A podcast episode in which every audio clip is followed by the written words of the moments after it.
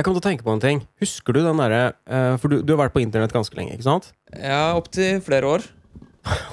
Faktisk. Opptil flere år. Husker du den derre viral-historien som folk drev og delte? Veldig ofte jenter som hadde når de hadde sånn profil på, på sånne sosiale medier. Jeg tror det var før Facebook. Som handla om den der gutten og jenta som kjørte moped. Tenkte jeg på her om dagen. Okay. Husker du det? N Nei. Det var gutt og jente som kjørte moped, og så satt liksom jenta et eller annet, jenta satt bak på, på mopeden. Og så tror jeg ingen av dem hadde på seg hjelm, men han hadde Eller han hadde på seg hjelm, hun hadde ikke på seg hjelm. eller Ja, ja, stemmer. Mm. Ja, og så var det et eller annet at han ville at eh, hun skulle holde ekstra hardt rundt den, og så skulle hun ta på seg hjelmen hans og et eller annet. Og så var det For han visste at bremsene ikke virka, og så krasja dem. Og så tror jeg han daua, og så overlevde hun. Sånn. Husker du jenter hadde, pleide å ha den, ha den historien på profilen sin? Masse hjerter og blomster og sånn for det var sånn til ettertanke. Det skulle du dele, og var viktig. Det er dypt, da. Det er veldig dypt. Utrolig dypt. Så han redda jo henne, og han visste selv at han kom til å dø. Tror du noe på den historien, da? Nei. Nei, ikke. Fake. Han kunne jo uh, bare drite i kjørt, da. Bare fik fiksa bremsene før han kjørte, liksom. Han kunne, han kunne sjekke, han kunne gått over sykkelen Han kunne gått over mopeden først og sjekka at det ikke var noe som hadde streika. Jeg lurer på om, uh, om det liksom Det var en indikasjon på hva jenter hadde lyst på. For det, det tyder på at de har lyst på en idiot. Ja, men er det ikke sånn fortsatt ofte? Jo da, sikkert. eh, En idiot som eh, Men som ta, viser eh, hensyn til henne, eller som tar hennes behov Setter hennes behov før hans. Ja. Det er viktig. Veldig viktig. Mm. Selv om han er en idiot, da. Det er ikke så mange sånne kjedehistorier som blir delt uh, lenger. Det er andre, annen drit som blir delt nå. Foreldre har jo en tendens til å dele sånne kjedegreier. da De sender videre. Send denne meldinga videre på Messenger. og sånn. Ja, jeg, har, jeg har dessverre ikke foreldre og sånn som driver med sånt. Har du ikke fått en gang sånn, eh, sånn julehilsen? Send denne julehilsen videre. Og så er det en eller annen sånn pervers greie. Gjerne en nisse som kler av seg eller noe annet. Det, er, det skal alltid være noe sånn grovt. Det kan ikke bare være noe hyggelig, liksom. Ja, jeg, har, jeg har aldri fått. Aldri fått. Ja, jeg har fått flere ganger. Flere ganger. Jeg lurer på hva den rareste Det har vært gøy å høre. Hvis noen har den, den, altså den rareste kjedehistorien. Sånn at de kan de dele.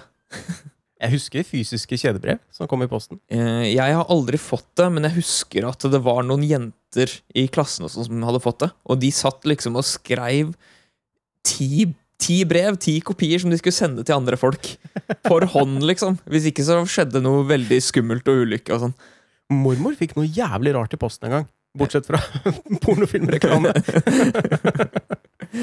Men jeg husker det var en gang eh, hun frika helt ut. Hun hadde fått en eh, konvolutt i postkassa, og inni den så lå det bare et Jeg tror det bare var et hvitt ark, eller eh, et stoff, eller, altså hvitt stoff eller et eller annet, hvor det mangla Altså eh, stoff som i fabric, ikke, ikke, ikke narkotika. hvor det mangla et hjørne, og inni den så var det pakka inn en saks. Ja. Ja. Var, ville de at hun skulle klippe de andre hjørnene, kanskje? Vet ikke. Det var ingen eh, det var ingen tekst, det var ikke noe brev, det var ikke noe avsender. Det var ingenting. Det sto liksom navnet hennes utapå, og det var postlagt med en saks i konvolutten. Og den var, det var en gammel saks. Brukt saks. Var det du som hadde lagt den her? Nei, nei, nei. nei. nei. Jeg, har, jeg har vært med på å putte skjære i postkassa, men aldri saks. Ja. Så hun frika ut, da. Heller, heller, heller saks enn skjære, eller? Heller, eh, ja, heller saks enn skjære. Ja. Men jeg lurer på om det, har, om det var en sånn At det var noe sånn gammel overtro eller et eller annet? At det betydde noe? Hvis noen sender deg en saks, så Altså, Da er det på en måte at det betyr noe, da. jeg har, jeg har heller troa på at hvis noen sender deg en daud skjære i postkassa, så er det mer eh, en betydning enn en saks. Ja, Nå vet jo ikke jeg åssen åssen de reagerte som fikk den skjæra, da. Men, eh, De ble nok ikke kjempeglad. Eller, eller jo, kanskje de ble glad. De ble nok glad. Hvis mottakerne var en katt, så ble de kanskje glad. Jeg tror ikke det. Jeg tror ikke det var en katt. Nei eh, god, god nok eh, overgang til å si velkommen til episoden. Ja. Sesong to, episode 11 av Voksenopplæring. Riktig. Jeg var ikke med på episode 10. jeg. Nei, du var ikke det. Du bare etter episode 10. Ja, greit. Skal jeg, kan jeg ta med en gammel nyhet i dag? Ta med en eh, gammel nyhet i dag. Eh, Den her er fra å, Vet du hva? Jeg, jeg er så sløv med å finne ut når ting er fra. Du glemmer det hver gang. Jeg glemmer det hver gang. Det, ikke, det koster meg ikke så jævla mye å lime inn den lille teksten. Liksom. Jeg lagrer til og med Jeg lagrer fila som det navnet, men så bare drar jeg den inn i dokumentet, og så står det ikke der. Uansett, da. Det her er fra uh, Moss Avis 7. oktober 1935. Eh, og det er, det er egentlig to artikler. Den ene er bare sånn bitte liten, sånn liten notis, som heter 'Den sinnssyke på jernbanestasjonen'. Som meddelt lørdag gikk en sinnssyk ung, ung mann berserkergang på Moss jernbanestasjon lørdag formiddag og skadet innbo og servise i restauranten for mange hundre kroner. Shit. Ja, det er dyrt. Flere hundrelapper. Ja, flere hundrelapper. Eh, politi ble tilkalt og tok mannen med på politikammeret. Her ble han straks undersøkt av statslege Nyquist, som erklærte ham for sinnssyk. Da mannen hører hjemme i Borre, ble han sendt til Horten. Og Det var liksom notisen, da. Men så er det eh, en artikkel ved siden av, hvor det står 'Den sinnssykes ødeleggelser på Moss jernbanestasjon'. En redegjørelse fra stasjonsmesteren. Foranlediget av herr banksjef eh, Tornes angrep i Moss Avis for lørdag på jernbanebetjeningen i forbindelse med den sørgelige hendelse i Moss jernbanerestaurant samme dag, tillater jeg meg å fremkomme med en del opplysninger. Ingen av betjeningen så at mannen kledde av seg ved døren til venteværelset. De var opptatt med sitt arbeide annet sted. Avkledningen foregikk stille, hurtig og bak en del reisende, så stasjonsmesteren, som sto på plattformen litt lenger borte, ved stasjonsbygningens søndre ende, dessverre heller ikke ble oppmerksom på det før den sinnssyke var gått inn i restauranten. Så altså en fyr kledde seg naken på toget. Hit inn ble han for øvrig geleidet av en reisende, og dette forverret selvfølgelig det hele. Her grep den gale en stol og begynte ødeleggelsen av alle krefter. Ser du det for deg? Ja. Ja. Naken mann som slår rundt seg med en stol. Der ble gjort forsøk på å gå inn døren flere ganger, men den sinnssyke var på vakt og kom imot den med hevet stol, som han fant det rådeligst å komme seg unna og slå døren igjen fortest mulig. Vi ringte hurtigst mulig etter politi og sendte en drosje av sted for å hente politifolkene, da vi mente det, det måtte politi til. Altså, politiet kjørte ikke sjøl. det måtte hente politiet. Det hele sto på kun noen minutter, og da politiet kom, var anfallet over, og mannen satt rolig på en stol. Sikkert fortsatt naken, da, tenker jeg.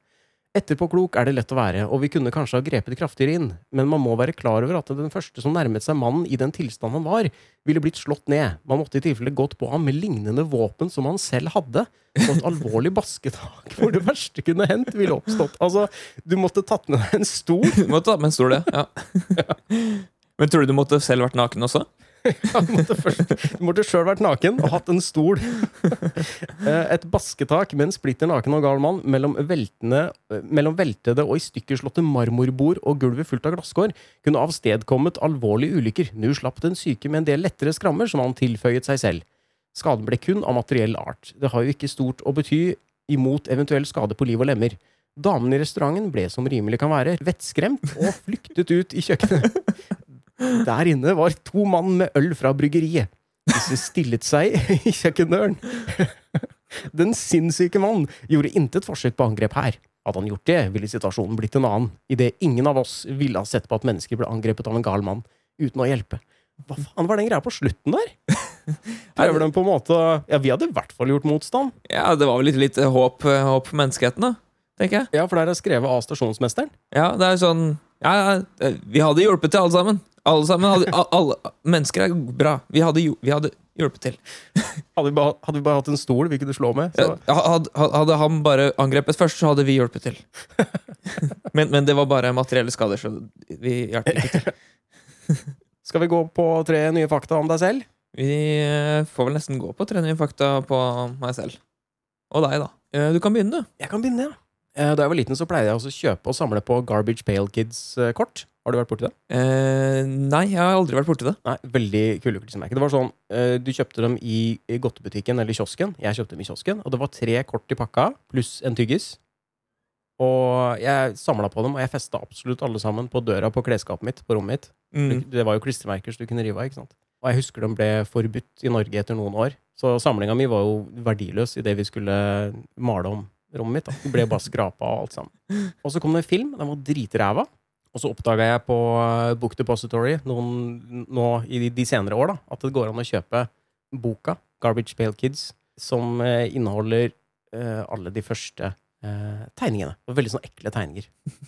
Veldig mye skadde barn. Jeg tror det var derfor det ble forbudt i Norge. Fordi det var veldig mange unger som var amputerte, liksom mangla armer og bein, og mye blod og gørr og sånn. Det var perfekt for åtte år gamle meg. da. Ja, det er klart det. Eh, Jeg har sett, eh, Du har vist meg et par av de tegningene tidligere, og Det ser jo ganske nasty ut. Minner om, om, om en drøy Mad-variant, egentlig. Ja, det er det. Mm. Og det kom, en, det kom en dritdårlig film, som jeg selvfølgelig leide så fort jeg hadde mulighet på VHS. Selvfølgelig. For jeg var jo blodfan, men det er en forferdelig dårlig film. Ikke verdt å se. Ikke engang, fordi, ikke engang verdt å se fordi den er dårlig. Den er såpass dårlig at du får, tror ikke du får noe ut av den. Har du et fakta? Ja, i, i dag så kjører jeg faktisk et lite tema på fakta om meg. Ja, kult. Mm.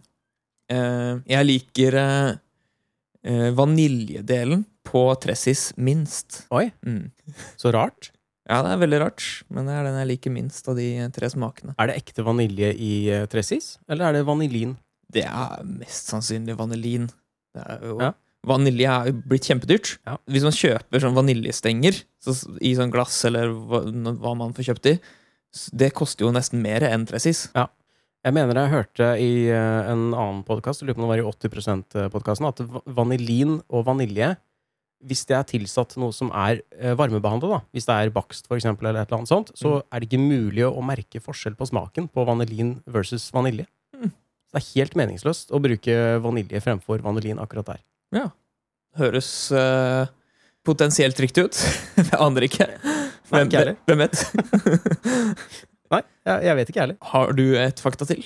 Ja, eh, jeg angrer på at jeg solgte NES-en min, Nintendoen min, den første. Det har jeg angra på siden jeg solgte den. Jeg solgte den for å kjøpe meg Amiga, og jeg har aldri solgt en spillkonsoll etter at jeg solgte Nintendoen, bortsett fra da den Amigaen da, som jeg kjøpte isteden. For den solgte du også, selvfølgelig. ja, ja, men det var, eh, det var rett og slett eh, på grunn av plassmangel da jeg skulle flytte til Vestfold, Fordi at den, den, den var jo liksom et veldig stort tastatur. Mm. Og med alt det ekstrautstyret og sånn, den tok for stor plass. Jeg, ikke, jeg kan, kan liksom ikke sette av en så stor plass til å bare ta vare på den. Men eh, jeg har tatt vare på alt annet av konsoller, da. Men akkurat Nesen, jeg hater at jeg solgte den. Jeg, hadde, jeg tror jeg hadde 21 spill, eller et eller annet. Det var ganske mange.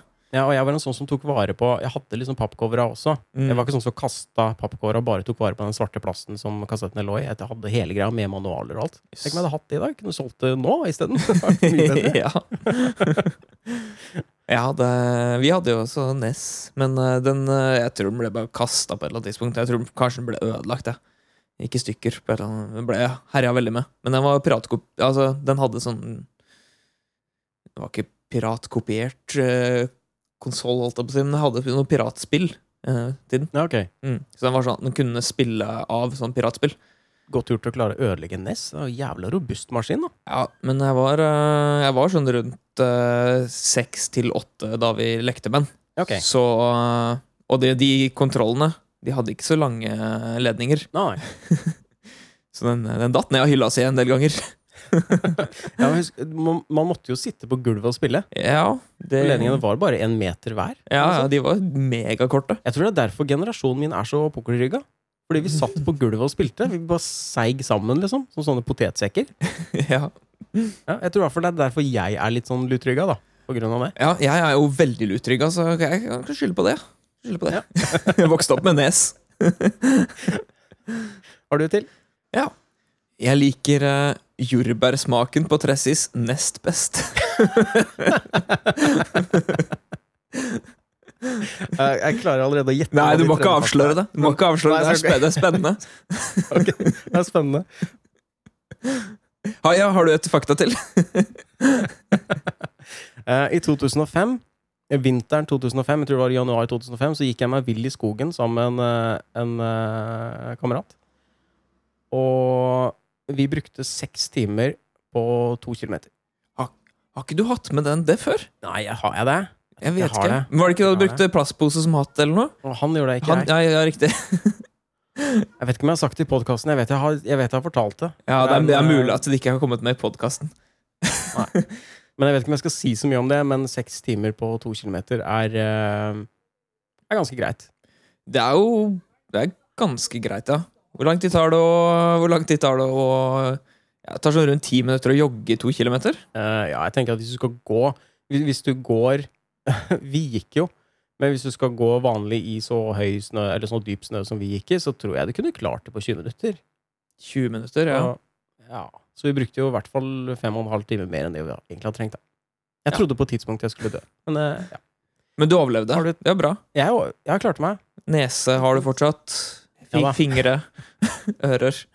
Ja, det var ingen aper der. Nei, riktig. Nei. Nei. Stemmer. Nei, ja, det er ikke så mange aper i sn snøape. Ja, det er, er det Bigfoot? Snøape? Ja, Avskyelig snømann. Yeti, det vet jeg. Mm. Den avskyelige snøapen. Har du, ditt- hva er ditt siste fakta? Jeg er så spent. Ja, det, det er spennende. Jeg liker sjokolade best på tressisen. Er sant? ja, det er sant. det er helt sant. Men når du er hos noen, og det blir servert tressis, Ja. spiser du tar du, Drar du liksom isskjea? Drar du den tvers over da, eller tar du bare der det er sjokolade? Så det blir et stor, stor grop bare der det er sjokolade, så lar de to andre stå igjen. Jeg pleier å ta sjokolade og jordbær. Men det er veldig få som liker, eh, liker sjokoladen. Så rart. Det er i hvert fall, det er i hvert fall eh, så, sånn det har vært i min familie. da Sjokoladen sto alltid igjen, fordi det Ja. var ingen andre enn meg som likte sjokoladen. Jeg syns man burde produsert tressisen på en annen måte for å bekjempe sånne som deg. Jeg syns at Hva er det Jeg faktisk- gærent med sånne som meg? Jeg syns ikke ja, Jeg syns det er urettferdig. Fordi noen er sånn at jeg skal bare sjokolade, eller jeg skal bare jordbær. Og da blir det bare én klump igjen med, med den som eh, du kanskje ikke liker, da, fordi noen andre har tatt det de liker. Så jeg syns de stripene, istedenfor at det er tre striper, så kunne det heller vært sånn ni eller tolv striper. At det hadde vært liksom eh, Skjønner du? Rød, hvit, brun, rød, hvit, brun, rød, hvit, brun, rød, hvit, brun, Bortover sånn. Ja, For da må du da, Du kan ikke begynne og prøve så, med en spisepinne prøve å pirke ut akkurat der det er sjokolade. Da må du dra skjea over hele, da. Så, Men- så får du Men da er jo, Veldig kult sånn da er jo hele poenget med tressisen borte. Fordi hele poenget med den er at du kan velge det du har lyst på. Ikke det at du må ha alle sammen samtidig hele tida. Jeg tror ikke det er, jeg tror ikke det er poenget. Nei, det- poenget er at du skal At du skal få alle tre smakene, tror jeg. Ja, riktig. Akkurat sånn som når du kjøper, når du kjøper is i, eh, fra sånn is, eh, isbar, Mm. så tar man gjerne tre forskjellige kuler, ikke sant? Jeg tror det er litt i at du skal, det er meningen at du skal ta av alt. Ja. Pleier du å kjøpe tre av samme kule når du kjøper sånn kuleis? Jeg pleier som oftest å gjøre sånn som i tressisen, at jeg tar to smaker som komplementerer hverandre. Ja, ok. Mm. For jeg tenker, når jeg kjøper sånn italiensk, hva heter det, gelato-is, Ja. så tror jeg aldri jeg har tatt tre kuler av det samme, men det burde jeg egentlig gjort, for det er, det er, det er smaker som er bedre. Det Som er er, best. ja, men man blir jo kanskje litt uh, det, Til din uh, til, Hva skal jeg si din, din tanke om hvordan tressis fungerer, så er det Så er jo det en fordel å liksom få bytta litt på smaken, sånn at man får smakt på den beste i, med en ny munn, holdt jeg på å si. Jeg vil, jeg vil bare ha den beste, jeg, egentlig. Men jeg, jeg driter meg ut på det. Jeg kjøper jo tre forskjellige. Ja. Stort sett. Men den beste smaker ikke best når du bare må spise den beste hele tida. Du må trenger noe som er litt kjipere for å vite For å bare få Yes, det, ja, den her var best. Ja, nei, det er jeg ikke enig i. Jeg, synes jeg vil bare ha det beste, jeg. Hvis jeg skal ha is. Bare den beste isen. Skal vi se, Har du gjort noe i det siste, eller har du Har du brukt penger på noe i det siste? Eller begge Jeg tror ikke jeg har brukt penger på noe. Jeg har spilt ferdig eh, Last of Us Remastered, og så begynt på The Last of Us Part 2. Ja. Hva er eh, reaksjonen for, foreløpig? Eh, For det første syns jeg det var veldig kult at toeren begynte så rett på etter eneren. Så det, liksom, vi, vi fullførte eneren, og så kunne vi starte direkte på toeren bare noen minutter etterpå. Og historien henger såpass sammen at det var veldig naturlig å gå direkte løs på toeren sånn, da. Ja. Fordi det, eneren kom jo ut i 2013, og jeg huska jo ikke alt fra den historien der, så jeg syns det var veldig greit å få spilt gjennom den før, før toeren. Mm. Og Nei, jeg syns toeren er veldig, veldig veldig bra. Og kritikerne ljuger ikke når de sier at det er grisebra spill. Mm. Men det, det har kommet en sånn bølge med mange som er veldig kritiske. Jeg sett, på, Ja. net, på nettet. Jeg, jeg har ikke Ja. spilt det. Eh, jeg har ingen ambisjon om å være kritisk. Jeg likte jo eneren. Men eh, folk eh, er skikkelig negative. Men det er fordi at folk er skikkelig negative, fordi det er en internettrend å være skikkelig negativ for et eller annet. Og eh, jeg har en viss idé om hvorfor folk er så veldig grinete. Ja, Og, men det, de drar det jo ut. Oh, ja, ja Det blir litt spoiler, kanskje? Ikke nødvendigvis en spoiler, men eh, det, du har jo sett i traileren at Ellie er jo gay. Ja, riktig. Det er veldig vanskelig for mange å takle, tror jeg. Det har ikke noe å gjøre i spill, vet du. Man skal ikke kunne vise det i spill. Nei. Så da blir folk sinte, og da blir det mye hat. Og så er det kanskje en annen ting eh, i historien også, at den tar en vending som folk kanskje ikke liker. Men eh, det er meninga at du skal bli litt forbanna av det spillet. Så du kan ikke hate spill av den grunn. Tror du folk ble veldig eh, Veldig lei seg at hun var gay fordi at de egentlig var mer gira på at det skulle bli sånn semi-incest-forhold mellom hun og Joel? Kanskje. Jeg har ikke noe problem med at hun er, er eh, lesbisk. Det er helt greit. Jeg syns bare det er fint for så vidt at de har med litt mangfold i spill. Jeg skjønner ikke at det kan være et problem for noen, jeg. Nei, jeg, jeg tror det er bare det at uh, spiller, eh, mange spiller, og så blir de, blir litt småforelska i karakterene, og så irriterer det seg at de ikke kan ha den fantasien videre, for da stemmer det. Det går ikke. Jeg har sett den nye filmen på Netflix som heter Eurovision Song Contest The Story of Fire Saga, med Will Ferrell. Jeg har også sett den filmen. Jeg syns den var dritmorsom, og jeg storkosa meg. Mye mer enn jeg egentlig trodde jeg skulle gjøre. Ja, jeg må si, jeg må si at jeg syns den, den var veldig sånn passe, egentlig. Jeg eh, det, det, det, Jeg koste meg, for det var en Will Ferrell-greie og sånn, men den var Den var veldig, veldig Will Ferrell-greie. Han spiller jo veldig samme karakter uansett hva slags film det er, da. Mm. Han er, eh, jeg tror det, noe av det jeg satte aller mest pris på med den filmen, var jo uh, det deilige stikket til Russland, som er så anti-gay. ja, ja, ja. Ja. du har det russiske bidraget, hvor han fyren uh, basically ser akkurat ut som George Michael fra den tida han var med i Wam. Mm. Det er til og med lik øredobb, samme, samme håret. Og det ultra eh, homo sceneshow han hadde. Jeg, sy- jeg elska det! Det var fantastisk. Tenk så sure russerne blir nå. Der kosa jeg meg. Eh, det var jo mange flere referanser til Wam også, for øvrig. Ja, han. ja, han nevnte jo til og med George Michael sjøl, ja, ja. ja, nei, den var veldig fin. Eh, og så var det Jeg syns det var Det var litt gøy å se at eh, eh, Norges eh, ry Rybak bare plutselig dukka opp. Spoiler! Eh, Ja, det var jo flere cameos der. ja, det, et- jeg, ja, jeg så jo Jeg har jo ikke sett så veldig mye på Eurovision, men jeg har fått med meg noen ting. Og jeg så Mm. en annen sånn Eurovision-karakter som dukka opp plutselig også. Så det, det var sikkert veldig mange. Jeg syns det var artig å se at de på en måte De har satt seg litt inn i hva det jævla spetakkelet der er for noe. Mm. Og jeg følte at det på mange måter så var det en, en sånn tribute til hele den Eurovision-kulturen. da Ja. Samtidig som de var ikke, var ikke redde for å vise fram galskapen og alt det sinnssyke av sceneshow. Og det er så Noen drar det så jævlig langt. Og det er morsomt, da. Ja. Jeg likte også for øvrig Will Ferrells holdning til amerikanere i filmen. Ja, det var fantastisk. Det, men eh, hele filmen fikk meg til å tenke på at hvis jeg skal se på Eurovision igjen, så vil jeg gjerne se den uh, via en uh, VPN, holdt jeg på å si, og se på BBC. For det er jo Graham Norton som er uh, host hvert år. Ja, er det det? Ja, det er faktisk det. det Ja, jeg visste ikke det. nei. Og jeg tror eh, det å se på Eurovision med Graham Norton som host, det tror jeg, da blir det mer fornøyelig. Ja. det tror jeg. Ja, det er det, er det jeg har gjort, da. Det er, eh, det er noe å gjøre, det. Hva har du gjort uh, siden sist? Eller hva har skjedd? Jeg har jo faktisk sett den filmen, jeg også, da. Men nei, jeg har ikke, jeg har ikke gjort så mye, egentlig. Uh, nei. Absolutt ikke. Ikke noe som er verdt å snakke om? Nei, det har ganske, ganske, vært ganske vanlige aktiviteter. Skal vi pløye videre til ukas tema, eller hva tenker du? Jeg syns vi skal starte på ukas tema, ja. La oss snakke om Snakke, snakke Snakke, snakke La oss snakke litt om uh, Snakke, snakke Snakke Snakke det er uh, denne uka rollespill. Eller er det Eller er det rollespill? Som det står notert her. Rollespill? For det er et spørsmål. Jeg kommer til å si rollespill. Rolle, rolle, rolle. Rolle? Ikke, ikke roll. Nei, er rollespill. Eh, hva er rollespill? Vet du hva, jeg som er den som har minst kunnskap om dette temaet Bør svare. Ja, jeg kan ta for meg hva rollespill er. Jeg har jo spilt rollespill eh, på data, Ja. og, og, det er sånn eh, at da spiller du en karakter som har Ja. visse trekk, og så gjør denne karakteren ting. Ja, er ikke det Er ikke alle spill sånn? Eh, jeg vet ikke, sånn som Mario har ikke så mange trekk. Han har noen trekk, da. Han er rørlegger, han har uh, hatt. Snekkerbukse. Er det sant? Men er det, er det karaktertrekk? Nei, det er det kanskje ikke. Nei, for det er kanskje viktig å eh, poengtere det, at det, det er jo litt sånn karaktertrekk, da, som karakteren, eh, kar karakteren har. Ja, og at det ofte Altså det da er en karakter som du kan forme som du vil.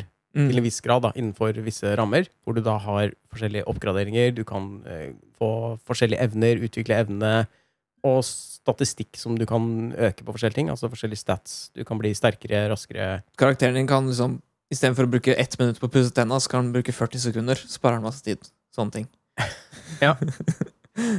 Rollespill kan jo være dataspill, men det kan jo også være brettspill. Eh, ja. Det kan også være lek i virkeligheten. Så, har sånne live rollespill hvor folk kler seg ut. Ja. Har du vært på det før? Nei, nei, jeg har aldri vært med på det. Eh, jeg er så nerd at jeg syns det ville vært litt gøy. I, I hodet mitt, altså i teorien, syns jeg det ville vært litt gøy. Eh, Ja. Men jeg hadde aldri klart å være, være med på det og gi meg Hva skal jeg si ja, Jeg hadde ikke klart å leve meg inn og, og spilt en rolle, liksom. Hadde ikke det? Nei. hadde du? Spørs jo hva slags Jeg vet ikke. Det spørs litt hva slags eh, hvordan settingen hadde vært. da Jeg tror jeg hadde følt meg ganske teit. Ja. Det er akkurat det som er greia. Ja, I hvert fall den første uka. Jeg ser for meg Hvis jeg skulle vært med på det, så måtte jeg jo gjort det tre måneders tid. Altså vært med på en sånn, sånn utendørs live-greie. Altså, Folk er jo på Paradise Hotel i månedsvis, er de ikke da? Så jeg tenker Men de spiller vel ikke en rolle De bare er seg sjøl. 110% Ja, det er sant. Ja. Nei, jeg tenker Det hadde vært veldig kleint i begynnelsen hvis jeg skulle liksom være en uh, mighty warrior eller wizard eller et eller annet, og, og snakke annerledes og Nei, det har vært, uh, vært veldig rart. Men kanskje det hadde eh, falt seg mer naturlig etter hvert. Det er mulig.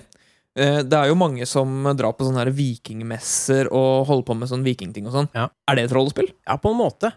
Jeg blir alltid like satt ut hver gang jeg ser en viking med briller. Jeg syns det er noe rart over det. Tror du ikke vikingen hadde briller? Nei. Jeg har liten tro på det, altså.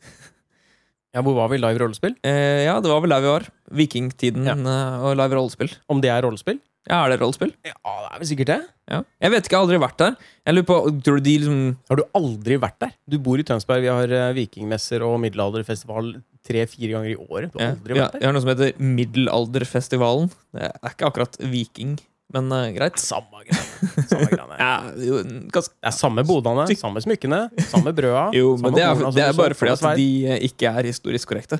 Vi var på det vikingmarkedet eh, på Borre for noen år siden, og da var det, husker jeg, var en bod som solgte masse sånne vikingsmykker. Og da fant jeg liksom Du kunne kjøpe hodet til Darth Vader, for eksempel. Hadde de i Star Wars eh, i vikingtida òg? Ja, Det gir mening. ja de hadde de er Star Wars på vikingtida. Ja. Uh, og så tror jeg det var, var noe annet sånn populær uh, kulturgreie. Det var fra Ringenes herre. Sånn Ringenes herre-smykker. Ja, men det skjedde jo uh, langt Eller eller mange, mange år siden det skjedde. Vik, altså Ja. Ringenes herre. Så, Ja, så de har funnet eh, nedtegnelser av hvordan de smykkene var. ja, altså vi hadde jo ikke husket på det i dag hvis ikke det var skrevet ned. Så, Ja, Det gir jo mening at de hadde Darth Vader-smykke også, da. For det er jo for lenge siden Mm. en galaks eh, langt, langt borte. Ne- Man kan nesten, det er jo folklore. Er det det man sier? Ja, jeg trodde ikke man kunne si det på norsk på den måten. Ja, det er, det er lov å si det på norsk. Si det en gang til. Folklore. Ja, det er ekkelt. Det er litt ekkelt. ekkelt ord. Ja, det er ikke fint. Nei, ikke si det, mer. ikke si det mer. Folklore. Æsj! Hva var ditt første møte med rollespillet? Jeg har jo bare spilt rollespill elektronisk, så jeg må nesten ta mitt første møte med det elektroniske rollespillet. Mm. Og jeg Jeg er litt usikker på om det kanskje kan ha vært Selda og Coreen of Time, Ja, for det regnes jo som et rollespill. det det. Men jeg lurer på om det faktisk heller var Arena. Altså det første Elder Scrolls. Ja, Arena det var det som kom før eh, Daggerfall. Stemmer. Jeg har ikke spilt noe av dem, faktisk. Det er Elder Scrolls 1. Skyrim er Elder Scrolls 5. Mm. Mm. Eh, jeg tror det første rollespillet jeg spilte, var vel også for min del Zelda, men det var det første Zelda, da. Altså The Legend of Mm. Zelda Mm. på Nessen. For det er jo på en måte et rollespill. Selv om det er ikke så forferdelig mye oppgraderinger. Du får litt bedre utstyr, Mm. men du blir vel ikke eh, Du blir vel ikke noe sterkere i løpet av det spillet. Nei, det gjør du ikke på Ocarina of Time heller, for så vidt. Du får mer liv, da. Du får flere hjerter. Og så får du eh, mer eh, forskjellig variert utstyr etter hvert, og sånn, men det er ikke noe annet, tror jeg, som du oppgraderer eh, på Link. Spørsmålet er om vi nå Altså, dette, Zelda føl, følger jo ikke rollespillreglene i det hele tatt, så spørsmålet er om vi skal bare degradere Zelda til et vanlig spill. Eller Ev action-rollespill. At det er sånn semi- semi-rollespill. Det er bare sånn action adventure. Ikke noe rollespill, det er bare action adventure-spill. Har du spilt uh, Might and Magic? Uh, jeg har spilt Heroes-serien, men ikke Might and Magic.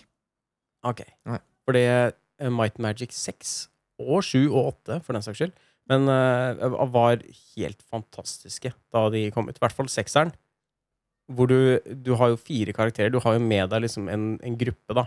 Du ser jo ikke karakterene annet enn at de har, er representert med et bilde nederst på skjermen. Mm. Og så står det forskjellige stats og hvor mye liv de har, og sånne ting. Og så er det first person Det blir på en måte som en slags first person shooter. At du beveger deg rundt i et sånn veldig primitivt miljø. Veldig primitiv grafikk. Mm. Og skyter folk og snakker med folk og bruker forskjellige spells. Og jeg husker grafikken er, Det er bare sprites, så det ser flatt og kantete og jævlig ut. Men fy faen, så mye tid jeg brukte på Might Magic 6. Jeg tror det var en av de ultimate rollespillopplevelsene mine den gangen. hvert fall. Jeg husker de alltid reklamerte for eh, de spillene inni, inni liksom eh, manualen til Heroes-spillene. For jeg hadde boksene og manualen og sånn, og jeg hadde alltid så lyst til å prøve de Might Magic-spillene. Men jeg var rett og slett jeg var for ung til å kjøpe spill selv, da. Så, ja, ja. Så jeg spilte stort sett de spillene som uh, brødrene mine skaffet. Den serien gikk jo rett til helvete. Sekseren var veldig bra, men så Altså, jeg tror vel til og med i sekseren også, så begynte de å blande inn noe sånn merkelig sci-fi-element mot slutten. At du, du kunne få noe blaster rifles og greier. Og jeg tror de dro det enda lenger i sjueren, hvor det var mer sånn eh, var mer understreka at det her var det aliens som hadde kommet og greier. At det, eh, drager og monstre og sånn egentlig var aliens. Det og, høres jo helt feil ut. ja, det, de fucka liksom opp. De lagde et fantasyspill, men så tenkte de vi lager et fantasy- og sci-fi-spill, vi. Det Kunne de ikke bare Ja. laga et nytt spill? Ja, Ja. de kunne egentlig det. Men uh, jeg, jeg koser meg mye med Might Magic My, match, match, Match, match, magic. Might Magic 6. Tror du det hadde vært eh, fornøyelig nå? For noen som ikke hadde spilt det? Jeg satt og ja, for noen som ikke har spilt det før. Kanskje for noen som ikke har spilt noe uh, før, Ja. tror jeg. Og ikke sett, sett noe Altså de, grafikk og sånn nå? Ikke sett noe, ikke noe erfaring med uh, moderne grafikk i spill, og så bare satsa ned med Might Magic 6. Ja, det tror jeg hadde vært uh, dritmoro. Men du måtte jo først fått en innføring i hvordan en PC fungerer, da. Ja. For jeg antar da har du heller aldri tatt i en PC. Diablo, da. Diablo spilte jeg ikke før jeg var ganske gammel, faktisk. Men var det da Diablo 1? Nei, jeg tror jeg starta på Diablo 2. Jeg spilte for øvrig en demo av Diablo 1. Da var det til og med ta første bossen på den demoen. Ok. Ja, Butcher, eller hva han heter. Ja. Og det synes jeg, synes det var veldig kult, men igjen, jeg var såpass ung at jeg hadde ikke, liksom ikke mulighet til å kjøpe og spille sånn sjøl. Var Diablo det første spillet hvor det var sånn randomized uh, levels? I hvert fall det første som jeg vet om. Kanskje i sånn type spill, men uh, Ja. for eksempel eh, Eller ja, nei, det var vel randomized i for hver playthrough, kanskje, i de spilla. Ja, det var jo det. Hver gang du, Hvis du sava og du loada inn på nytt, så var jo hver level Altså layouten var jo annerledes i en dungeon. Ja, for jeg, jeg skulle til å si eh, faktisk Elder Scrolls, eh, Arena og Daggerfall, men For de var jo egentlig randomly generated, Mm. men de var ikke det per spill. Altså sånn per game playthrough. De var eh, randomly generated før Altså i det spillet ble laget. Ja, ok. Ja, sånn, ja. Ja, så det var, For det var jo sånn Det er jo mange tusen dungeons i de spilla. Det er Mm. dritstort. Men det er jo fordi alt er random eh, generated. Mm. Mm.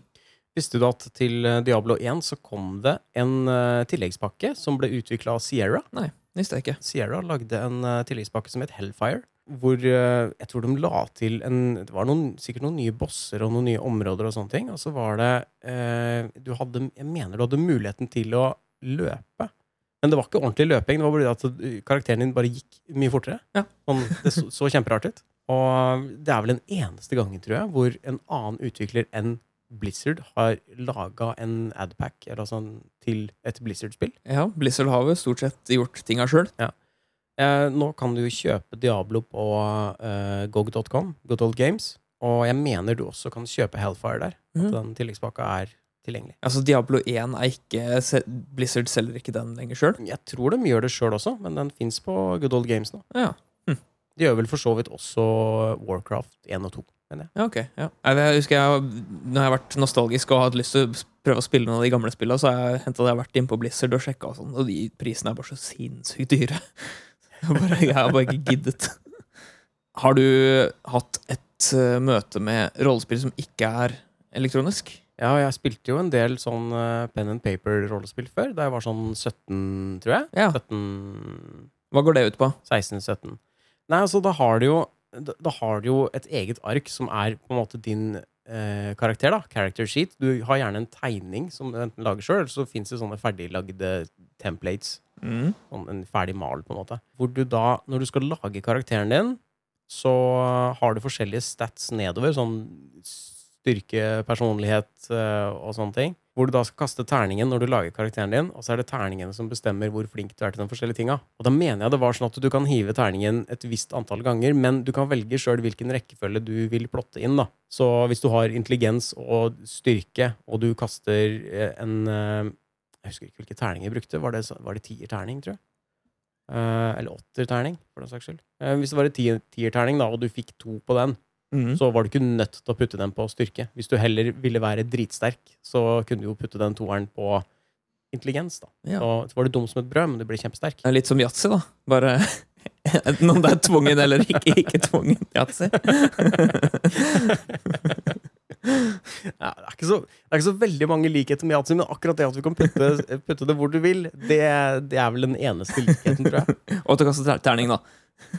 Ja, jeg hater yatzy. Men det er mye morsommere, men det er mye morsommere terninger i, eh, i pen and paper-rollespill. Dungeons and Dragons enn det er i yatzy. Mors, mors, er morsommere terninger. Ja, mye morsommere Morsommere terninger. Så sånn den firer-terningen firerterningen er for eksempel veldig morsom å tråkke på, for den er jo trekanta. Sånn, den har fire sider, men den er veldig spiss. Ja, den høres ganske spiss ut.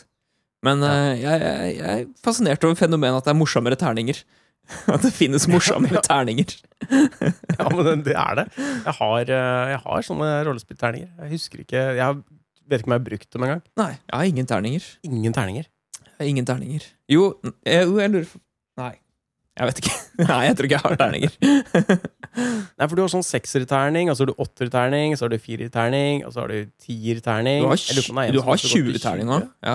Ja, du har 20-terning, og så har du 100-terning, for du har på en måte to terninger du hiver samtidig. Den ene er liksom sånn 10, 20, 30, 40, og så er det en som er 1 til 10. Ok, ja. Fordi sånn, en, en terning med 100 sider, det hørtes veldig masete ut, syns jeg. Ja, men det fins det, og du kan få kjøpt en terning som er som en sånn jævla golfball, egentlig. Tenk hvis du ikke har liksom en, en flat, eh, hard eh, overflate som du kaster terninger på. Da Da vil du aldri kunne se hvilken den faktisk endte på. Jeg tror det er vanskelig uansett. Ja. På en terning med 100 sider så tror jeg ikke det er så lett å se hva det er som peker opp. Nei, jeg tror ikke det. Sånn egentlig. Så da er det bedre løsning med to terninger, da. Det er det. Det er lett med seks, eh, sekskanter. Da er det lett å se hvilke som havner opp. Det som er morsomt med den type rollespill, er at du kan lage så mye sjøl. Jeg husker vi lagde jo eh, en egen sånn bestiary, sånn monstermanual, Mm. hvor vi tegna og designa forskjellige typer monster, lagde stats til dem, bestemte hva slags loot drops de skulle ha, hva du fikk hvis du drepte dem, og lagde hele sånne loot tables, sånn fra Sånn fra 1 til 100, da. Sånn at eh, mm, hvis du drepte den typen lizard, så står det på en måte at den eh, tingen du kan få av den, blir avgjort ved at du kaster den og den terningen. Og så får du et tall, og så leser du det av fra en tabell. Og så, å ja, jeg fikk, eh, jeg fikk Sword of Doom. Kult. Tror du det er sånn uh, diverse rollespill har blitt laget? Altså sånn de starta? At en vennegjeng bare satt og lagde Ja, det tror jeg. Mm. Det var jo, det var jo sånn den første rollespillene var, og det er jo den måten rollespill fungerer på sånn rent elektronisk også. Når, du, når spillet skal avgjøre hva det er du får når du dreper en fiende, så fungerer det jo på samme måten. Det er jo på en måte tilfeldige tilfeldig tall som blir eh, trukket ut, og så får du det ut fra en tabell. Det er ikke sikkert nå lenger. Det kan hende at uh, Har du tenkt, tenkt, tenkt på det hvis, uh, hvis de bruker uh, machine learning til, til å liksom eh, for, prøve å forutse at dersom du har så og så lite eh, lite ressurser i i inventoren din, så, så har du lyst til å få den og den, det og det lutet, og derfor bestemmer spillet om du skal ha det lutet basert på det, sånn at du får mest mulig eh, avhengighetsdannende spilleopplevelse.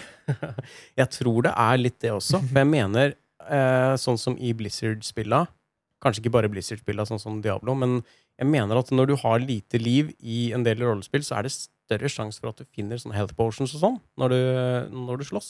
Mm, At de på en måte giver et bein til deg, at de hjelper deg litt. Da. ja. eh, Ellers er det bare innbilning. Ellers så tar jeg feil. ja. Eh, jeg, jeg, eh, jeg hadde en sånn annen greie som jeg kanskje lenge trodde at jeg innbilte meg. Det har ikke, noe, har ikke så mye med rollespill å gjøre, men det har noe med spill å gjøre. Eller det er kanskje Ja. et slags rollespill. GTA. Det er kanskje et slags rollespill. Ja, GTA er vel et slags rollespill. Ja. Men da på GTA 3 til PlayStation 2, eh, PlayStation 2 da, alle GTA 3-spillene, eh, Mhm. der opplevde jeg alltid at når du tok en bil, så endte mm. det opp med å være plutselig være nesten alle bilene var den samme bilen. Ja, jeg vet! Altså, sånn, du, du, du, du tok liksom du fikk, Endelig fikk du tak i den kuleste bilen som var skikkelig rask, og sånn Og så var plutselig Mm. alle bilene den bilen. Og brukt dritlang tid på å skaffe deg bilen. Ja, for da tenkte du at å ja, da var ikke den bilen her så sjelden Nei, ikke sant? Eh, men det gikk nettopp opp for meg hvorfor de gjorde det. Ja. Det er jo ressursmangel. Altså, de, de mangla jo minne Ja. i konsollen. De måtte jo spare ressursene. Ja. Så da slapp de å loade, loade inn så mange modeller samtidig. Ja, Da kosta det PlayStation mindre å bare vise den, den bilen du kjørte rundt i mange ganger, Mm. istedenfor å lage masse andre nye. Stemmer. Så, ja, så Det gir jo mening, men det ga en kjip effekt, da. Ja, ja, jeg likte ikke det i det hele tatt. Jeg likte det Når jeg hadde skaffa den kuleste bilen, så ville jeg gjerne være den eneste som kjørte rundt i den bilen. Men de hadde ofte andre farger, da. Det er sant, de hadde andre, farger. Ja. Og fordelen var at når du knuste den kule bilen, så var det bare å gå og ta den neste kule bilen. Husker du da GTA3 kom, så var det, det var den mest sinnssyke grafikken som noen noensinne hadde sett. Det var så vilt. Og det, alt du kunne gjøre der og sånn Man kunne kjøre gjennom et nettinggjerde, og det nettinggjerdet liksom datt bortover og sånn. Mm. Det var helt, helt sykt. Jeg følte at det, det, var, det var en tro kopi av virkeligheten. Det var en ekte virkelighetssimulator hvor du kunne gjøre akkurat hva du ville. Ja. Jeg, Sånn følte jeg det da jeg kjøpte. jeg følte jo at det var et par spill på PC-en sånn som så like bra ut, men det var den, den åpenheten i det spillet som du følte deg liksom så fri da du kunne gjøre bare hva du ville. Mm. Og det samtidig med at, du, at det så bra ut idet du løp rundt. Og sånn, det, ja, det var bra. Det var kult. Det er rart det der eh, hvordan eh, minnet endrer seg. Fordi hvis du spiller GTA3 nå, så kommer grafikken sannsynligvis til å se dårligere ut enn det du husker. Ja, ja, altså det er jo hinsides dårlig grafikk på det spillet. Men spillet var bra, da. Spi- Og veldig bra. Ja, ja, ja. Helt enig. Jeg tror jeg ville synes det vært eh, ekstremt trist nå. Mm. Tomt og trist. Grått. Vi lagde et sånn pen and paper-rollespill en gang som var litt GTA-aktig. Jeg tror vi kalte det for Tilt. Ok, ja. Det var, en, eh, det var Morten, en kamerat av meg, som lagde på en måte stort sett alt tror jeg, av regelverket rundt det. Og så spilte vi det en del. Det var egentlig ganske gøy. Det var sånn Du spiller deg sjøl lagt til virkeligheten, og du kan egentlig gjøre hva du vil, stort sett.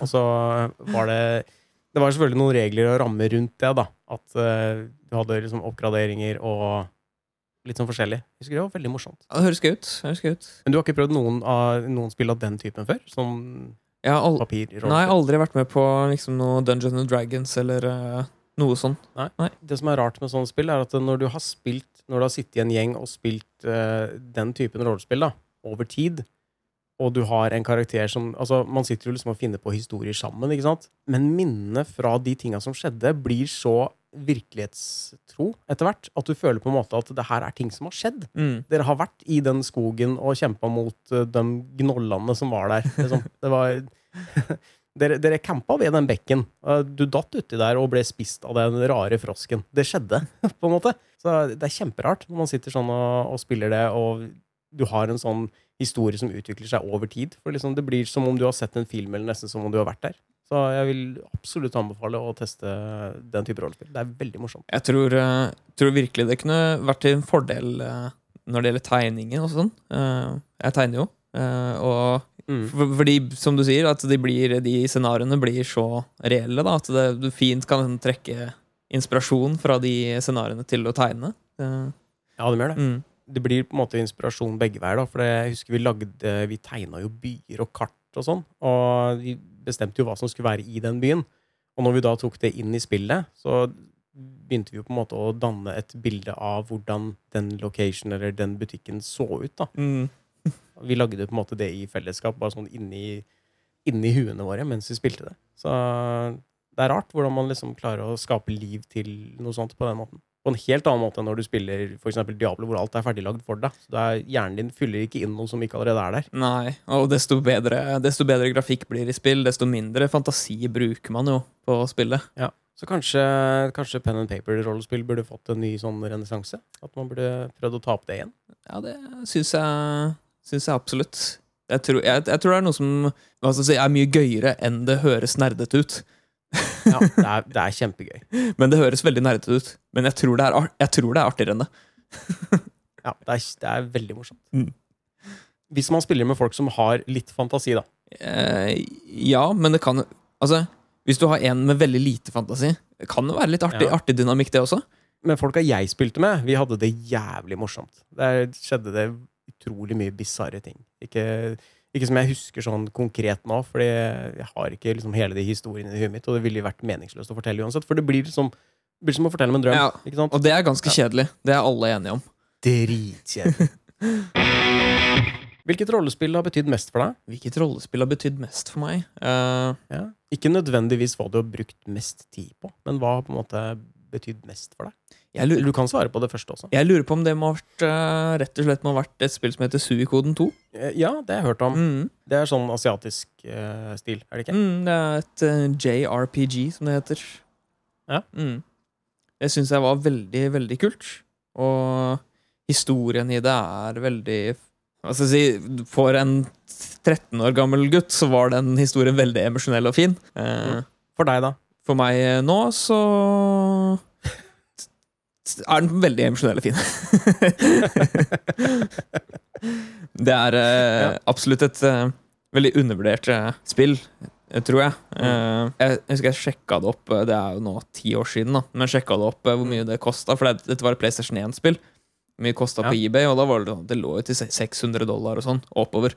Oh, wow, shit. Det var sykt eh, det, det var et litt sjeldent spill som blei Men nå kan du selvfølgelig bare kjøre det på emulator på PC. Det er ikke noe problem. Ja, sant. Det går an. Mm. Også, Eller hvis du har kjøpt en, eh, hvis du har kjøpt en eh, PlayStation Classic, så tror jeg du kan modne den, sånn at du kan legge inn filer der og spille andre PlayStation-spill også, ja, riktig. faktisk. Eh, hvilket rollespill har betydd mest for deg? Det er flere, vet du. Hvis jeg skal tenke på hva jeg har brukt mest tid på, så er det garantert Diablo 2. Men jeg tror av de rollespillene som jeg har levd meg mest inn i, så var det nok uh, Morrowind. Ja. Morrowind var kult. For- Morrowind var Ja. veldig kult. Da Morrowind kom, eller før Morrowind kom, så hadde jeg spilt uh, Might Magic 6, 7 og 8 i hjel. Mm. Og da jeg så bildene fra Morrowind, og så at det var, det var jo 3D-grafikk, det var 3D-modeller, og verden så så stor ut, og det var så mye der, og det at du, du kunne plukke opp ting, du kunne flytte rundt på ting, for det var vel en viss form for eh, Var det ikke en viss form for fysikkmotor der også, sånn at du kunne på en måte Hvis du ville sette fra noe på en benk, så kunne du det? Eller kom ikke det før i Oblivion? Det husker jeg ikke. Mm, Du, jeg mener du du kunne, kunne legge fra deg ting i verden. Men jeg, Ja, du kunne det. men jeg tror ikke det var noe sånn særlig fysikkmotor i spillet. Sånn, eh, Nei. nei. Men bare, bare regneffektene, at det ble ringer på vannet, og du kunne gå rundt i en evighet og bare gjøre ingenting. Og ansiktene til menneskene var liksom så ekte. ja. Det ser jo helt forferdelig ut. Jeg husker én ting som skjedde i, eh, i Morrowind, som, eh, som, som fortsatt til dags dato plager meg. Og det var en av de eh, kajittene, vet du. Mm -hmm. Den katterasen der. Det var en dame. Jeg tror hun het Elmusa Damoiri, eller noe sånt. Og jeg drepte henne. Jeg husker ikke hvorfor, men jeg bare tenkte at hun var en NPC som jeg ikke trenger, så hun dreper jeg. Mm. Men det som skjedde da, var at de andre NPC-ene slutta jo ikke å minne meg på at hun var død. Så navnet hennes kom jo opp i hver jævla samtale jeg hadde med noen. Og det holdt på å klikke for meg. Jeg kunne jo ikke snakke med en eneste kajit eller komme til en ny by og liksom, jeg, kunne ikke, jeg kunne ikke bevege meg rundt uten å hele tida bli møtt med folk som 'Å, nå er hun død'. Jeg syns det er kjempekult, det. Eh, og og det, Ja, ja, altså det andre som var med det spillet, var jo at du kunne fint drepe en karakter, og så gjorde det at spillet, du kom deg ikke videre i spillet. Nei. For du trengte den karakteren. Jeg runda aldri Morrowind, men uh, jeg tror jeg klarte å utforske tilnærma 50% av kartet. ja, det var vanvittig stort kart. Ja, jeg, satt, jeg tror jeg satt og spilte det i årevis. Altså. Mm. Jeg bare gikk rundt og gjorde akkurat det jeg ville, og det er sånn jeg syns den type rollespill skal være. Sånn som så Skyrim og sånn òg. Jeg følger jo aldri main story. Jeg runder jo aldri sånne spill. En ting Morrowind hadde mm, Kanskje et av de siste sånne spillene som hadde det, det var det at du kunne ikke fast-travele. I, I noe særlig grad. Du hadde et par sånne Du hadde et par sånne transportmidler. Noen båt Ja, du, hadde dem, og du hadde de svære bugsa. Ja. Silt Striders. Siltstriderne, og så hadde du båt. Det var de, Mm. men, de var, men de var jo ikke overalt. Det var sånn mellom de store byene og sånn. Men, Ja, stemmer men ellers så måtte du gå, da. Og den mm. det at du måtte gå, det var liksom kje, Ikke kjedelig, men at det, du fikk sånn derre Du fikk veldig sånn eventyropplevelse, da. I motsetning til at Mm. eh, hver gang Sånn som nå, da, så er det sånn at du får et mission. Uh, åpne kartet, trykke på den, fast travel dit, gjøre ferdig missionet, fast travel tilbake, ferdig.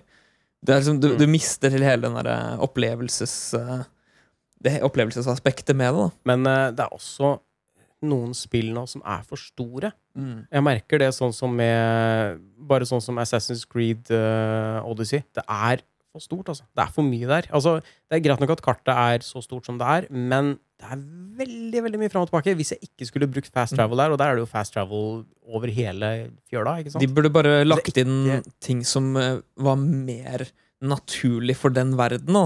La oss si at eh, det var, Mm. var en uh, hestekjerre som du kunne sette deg på og betale mellom de store byene, eller noe sånt. Og så Mm. kunne du jeg si, ta en hest ut fra den store byen til nærmeste location. og sånn. Altså, at det ble litt mer, så, at det ga litt mer mening, da, istedenfor at du bare magisk teleporterer deg til et annet sted. Men jeg tenker at akkurat Assassin's Creed slipper kanskje unna med det, fordi det er jo litt science fiction. Det er jo egentlig en simulator. Det er sant. Det er sant. Eh, Jeg tenker, men jeg tenker sånn generelt for sånne spill at det At jeg tror Jeg tror det hadde vært fordel da for, eh, for sånne spill og ikke bare hatt den der magiske teleporteringsknappen, og heller hatt en ting Mm. som ga mer mening i universet. Ja. Mm. Skal vi så vidt nevne asiatiske versus vestlige rollespill? Skal vi Ja, det kan godt det. ja, prøve å si noe Jeg tenker det første ordentlig, eh, ordentlig asiatisk type rollespill jeg spilte, var nok Final Fantasy 7. Ja. Eh, mitt var åtteren, for jeg har ikke spilt sjueren. Nei, riktig. Mhm. Har du tenkt å spille den uh, remaken, da? Av sjueren? Ja, det tenkte jeg faktisk. Mm. Fordi jeg har lenge hatt lyst til å spille Final Fantasy 7. Men det er bare for gammelt til at jeg kan begynne, for jeg har ikke noen nostalgiske følelser for det. Og det, grafikken Nei. er jo helt er, grusom fra det originale. ja, det er helt forferdelig. Det er helt jævlig. Mm. Jeg tror ikke du kommer til å få noe godt inntrykk av det. Og så er det, det er så utdatert eh, spillmekanikk der også, på mange måter. Ja. Og det må, du må gå i en evighet kanskje for å finne et sted du kan save. Jeg vet ikke om de har forbedra det. Om de har lagt inn sånn at du kan save oftere nå, Mm. på den ny, litt nyere versjonen. Ak Eller akkurat andre. sånne ting har jeg en tendens til å like litt, Fordi da får jeg litt mer sånn sense of urgency i spill. Da blir jeg litt mer sånn Hvis jeg kan save overalt, så blir jeg så avslappa at spillet At jeg ikke blir, lever meg like mye inn i det, da, nødvendigvis. Jeg liker litt den der eh, muligheten til å ikke kunne save overalt også. det er litt rart. Og så har du meg, sånn som i, i Skyrim, hvor jeg går inn i en dungeon. Jeg sniker jo alltid, for det er eneste måten jeg, jeg slåss på i Skyrim. Uansett hvor mange nye characters lager. Jeg blir en stealth character som bruker pil og bue. Det er det Ja, eneste jeg gjør. Eh, ja. Jeg holder meg i skyggene. Jeg skyter en eller annen, dreper en eller annen fyr med, med bue. Så saver jeg. Og så går jeg rundt neste hjørne, så skyter jeg en fyr Mm. til, dreper en annen bue, CV. Men det Eh, fordi rundt, Men da har du muligheten til det. Og jeg gjør Ja. også det når jeg har muligheten til det. Men det, Mm. det gjør at det tar meg litt ut av opplevelsen. Oh, ja, nei, det gjør ikke det på meg. Og hvis jeg da kommer meg enda lenger inn i den dungeon, og så er det noen som oppdager meg, lover jeg.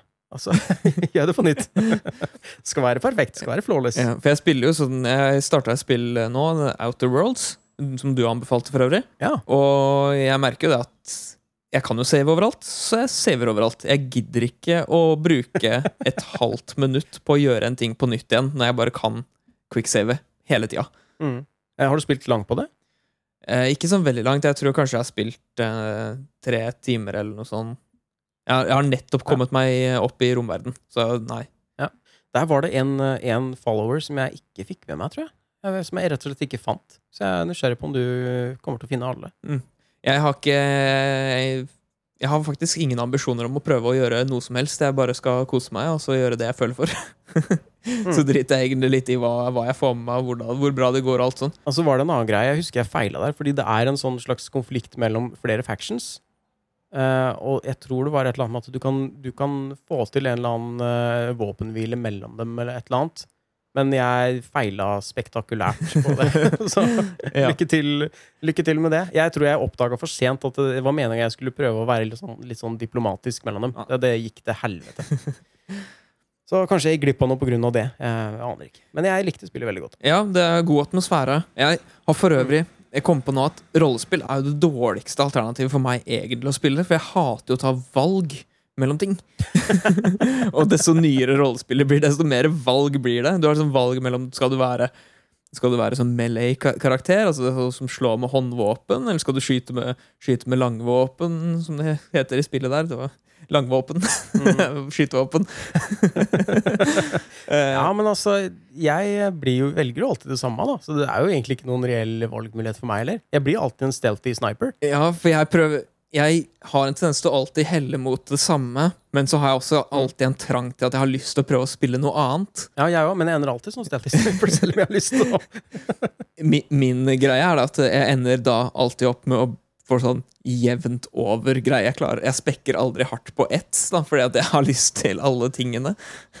Å ja. Altså Morrowind, Skyrim, Oblivion Jeg har aldri spilt noen av dem som en uh, melee character, eller som en uh, mage av noe slag. Nei. Jeg har aldri Al- spilt det som en range character. Jeg har spilt som, eller jeg har spilt som en mage, da. Det er jeg. For mage har jeg en tendens til å velge. Mm. Jeg har blitt så glad i bue at det er, det er go to-våpenet mitt i den type spill, og jeg blir den samme karakteren hver gang. Ja.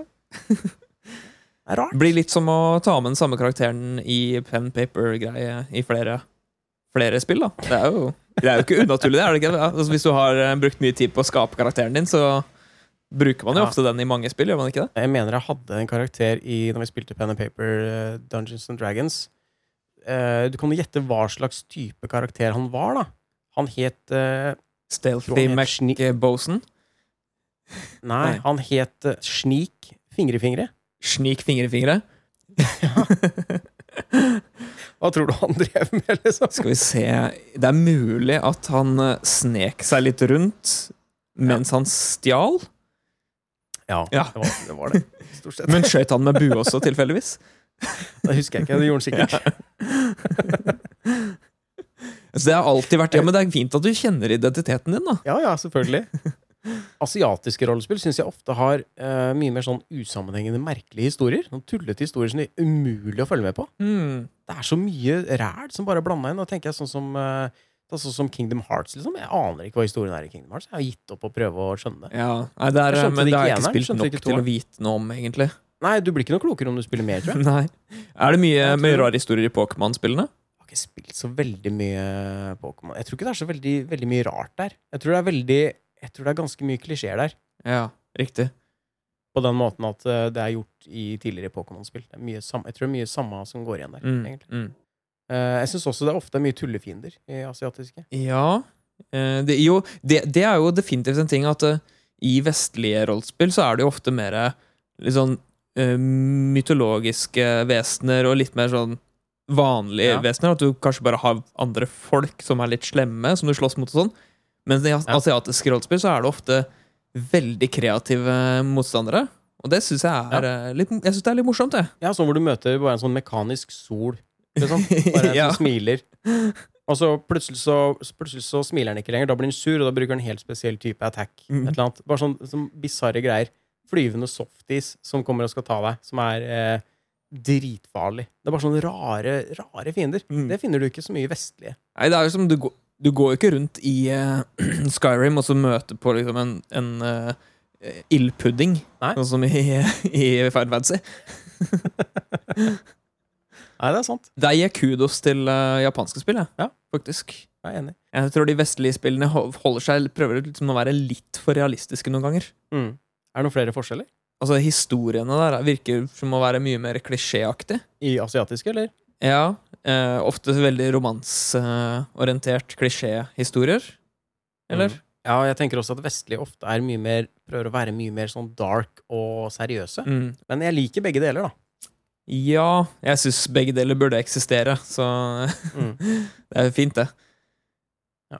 Men jeg syns kanskje det, Og det vil jeg regne med fins kanskje i det spillet som heter Persona. Jeg har jo ikke spilt det. Eh, men, eh, men litt sånn his, mer historier som minner om eh, diverse anime-serier, da.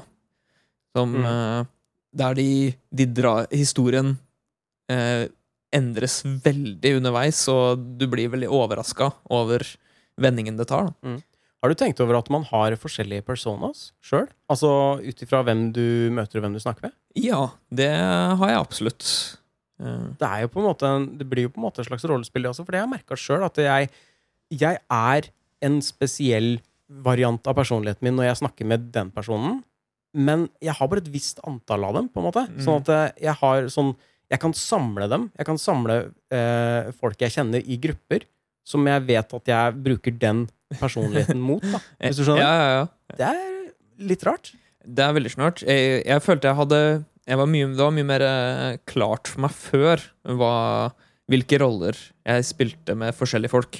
Ja. Eh, nå tror jeg kanskje jeg mer bare er lik mot de fleste. Men jeg merker at det er, det er, fortsatt, det er fortsatt forskjeller, altså. Det var ekstra krise på barneskolen hvis du, hvis du skulle leke med to eh, kamerater som du vanligvis var veldig forskjellig mot. ja. For da ble det en eller annen forvirring, og det funka ikke. ja, for da måtte man liksom ble- måtte være litt sånn mot den ene, og så var man litt sånn mot den andre. Og, og så var det veldig rart. Det, da ble det en sånn slags merkelig kortslutning, og det, det funka ikke. Jeg tror ikke alle er sånn. Tror du ikke? Jeg tror ikke, jeg tror ikke alle er sånn kameleon-variant. At de prøver å herme etter eh, omgivelsene. Nei, men jeg tror, jeg, jeg tror de som er det, og som gjør det, Mm. eh, har en, et fortrinn. Jeg tror det er de som eh, Jeg tror det er de som eh, overlever og kommer seg videre, på en måte. Fordi hvis man ikke gjør det Jeg tror det her er en sånn greie som vi har gjort helt siden tidenes morgen for å på en måte skape relasjoner med fremmede og sånne ting. Og jeg tror at hvis, hvis man ikke har den evnen til å på en måte speile folk man møter, så tror jeg ikke man kommer så langt, egentlig. Eh, Jeg leste en gang en sånn eh, Jeg lurer på om det kanskje var i Fucking of Science eller noe. Var, eh, la fram de ti beste tipsene eller et eller annet sånt for hvordan man blir venner med mennesker. Ja. Og da var jo det et av tipsene. At du burde legge til deg deres måter å bruke språket på. Kroppsspråk, for eksempel, eller vanlig språk. Og Ja. altså herme etter folk, sånn at de de forstår din måte å kommunisere på, da. Ja. Eh, Eller rett og slett sagt sånn at de skjønner sin egen måte å kommunisere på. men eh, men eh, ja, så det er, det er nok noe som ligger veldig, eh, veldig langt inn i hjernebarken vår. At vi setter pris på å møte noen som ikke er for langt unna oss selv. Men jeg tror også det er en automatikk i den speilinga. Jeg tror ikke det er noe du tenker over bevisst at nå er jeg sånn og sånn. Jeg tror det er noe som skjer litt av seg sjøl. Ja, det tror jeg også. Men jeg tror du kan tenke på det, da. Og da Ja, akse- akse- akselerere den prosessen litt. Grann. Ja, jeg tenker jo tydeligvis på det. Mm. Så mm. Eh, ja, nei, det, det, det, Var det alt om rollespill, eller? jeg lurer på om det var alt vi hadde om rollespill. Ja.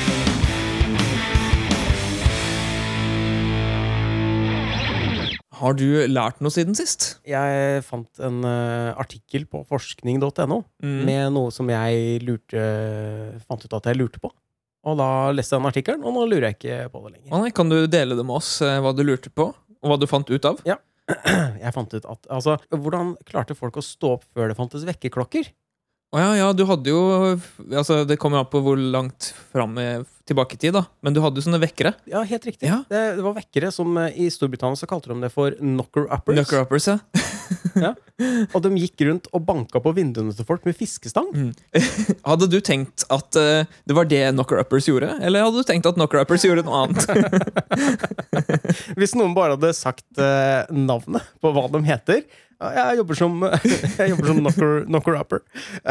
Så ville jeg kanskje tenkt at Å ja, du er i den bransjen. Men så hadde han forklart det nærmere, det med fiskestang og sånn, og tenkt å, helt feil. ja, det var ikke den bransjen Ja, jeg tenkte på. Nei, nei, var ikke det jeg trodde i det hele tatt. Men hadde det, man hadde det i Norge også, faktisk. Eh, vekkere. Hadde man det? Mm. Det sto ikke noe om det i den artikkelen, men uh, det sto uh, blant annet at den eneste kvalifikasjonen for å bli en knocker-upper var at du ikke forsov deg sjæl. Men hvem er, som, hvem er som vekte knocker uppers, da? Ja, det var det, da. Kanskje de bare hadde våkenatt. da. De var oppe hele natta. Ja. At de ikke la seg. Men i Danmark så hadde de ikke knocker-uppers. Og hvis du bodde på landet, så kunne du våkne av hanen eller kirkeklokkene. Fordi kirkeklokkene pleide å ringe ved soloppgang. Sånn at folk skulle vite at det nå starter dagen. på en måte. ja. Og så var det noen av de som bodde i byen, som også hadde en hane som, eh, som kunne vekke dem. Men så rart at det, det høres jo jeg- For jeg er ganske sikker på at jeg har hørt at de hadde det i Kristiania. Eh, altså da nå, nåværende Oslo. Kan godt hende. Eh, Det var også vanlig at fabrikker hadde en dampfløyte som blåste tidlig på morgenen, sånn så arbeiderne skulle vite når de måtte stå opp og pelle seg til helvete på jobb. Altså, deilig, da! Derfor så bare høre vekkerklokka så bare Å, shit, ja, nei, nå må jeg gå. Men eh, av den artikkelen, det jeg syns var det morsomste, var vekterkorpset. Som var da en type vekter som eh, fungerte som en blanding av politimann, oppsynsmann og vandrende klokke. Mm. For de gikk rundt og sang et bestemt vers, avhengig av hva klokkeslettet var. Det er gøy. Så de hadde en sånn en egen, en egen sang på en måte til klokka ni, og en egen sang til klokka ti. på en måte. Eh, I Norge så slutta de siste vekterne, altså den type vektere, i Bergen i 1874. Ja, Så da begynte vel folk med vekkerklokker etterpå. For den ble vanlig, vekkerklokka ble vanlig først på 1870-tallet. Det en, eh, det er en sånn uh, svær statue i Tønsberg uh, av en vekter. Uh, av gammel, Ja. gammel Han har sånn svær frakk og sånn hatt og sånn eh, noe som det egentlig ser ut som sånn Sånn flail. Bare sånn ja. Med sånn stav og sånn. Ja. Tenker du på logoen til Gjensidige nå? Eh, ja, det er vel ish som logoen til Gjensidige, ja. Det er vel vek det er vel den gammel vektera. ja. Ja, jeg mener vi har en, det var en sånn i Fredrikstad også. Mm. En sånn statue, hvis ikke jeg husker feil.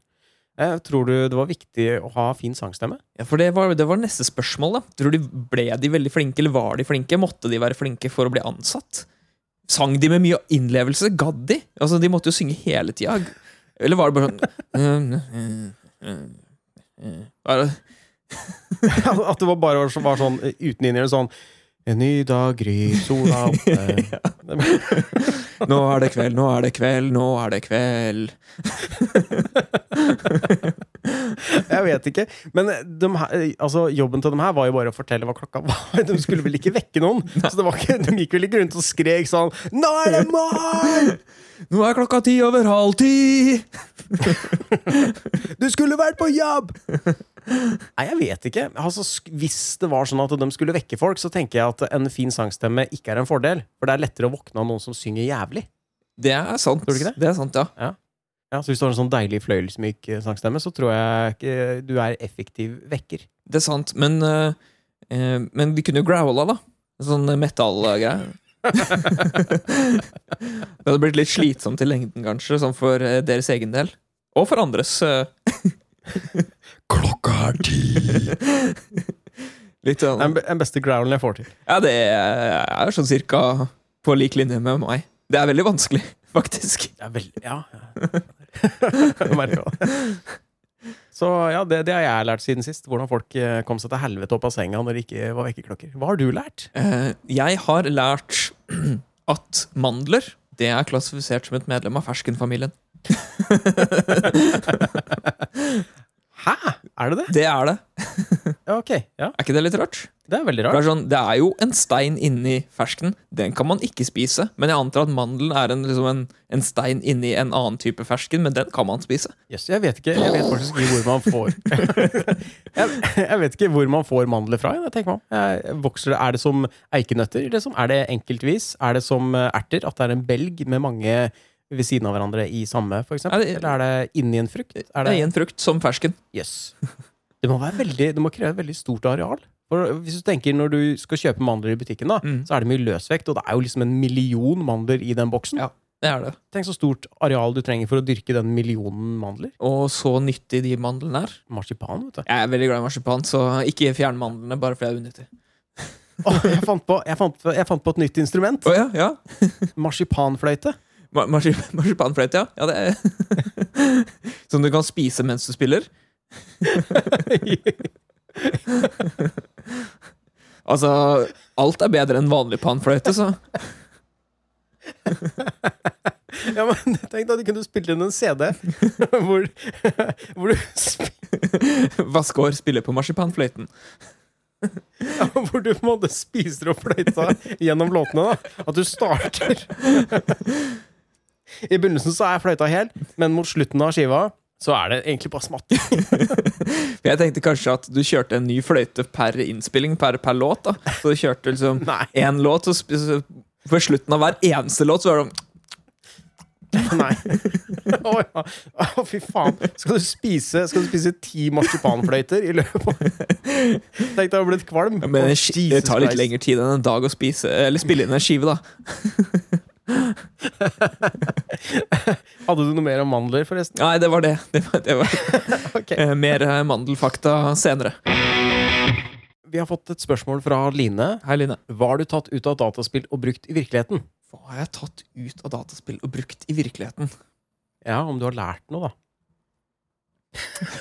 har, du, har du ingenting? Uh, jeg, jeg har jo lært engelsk.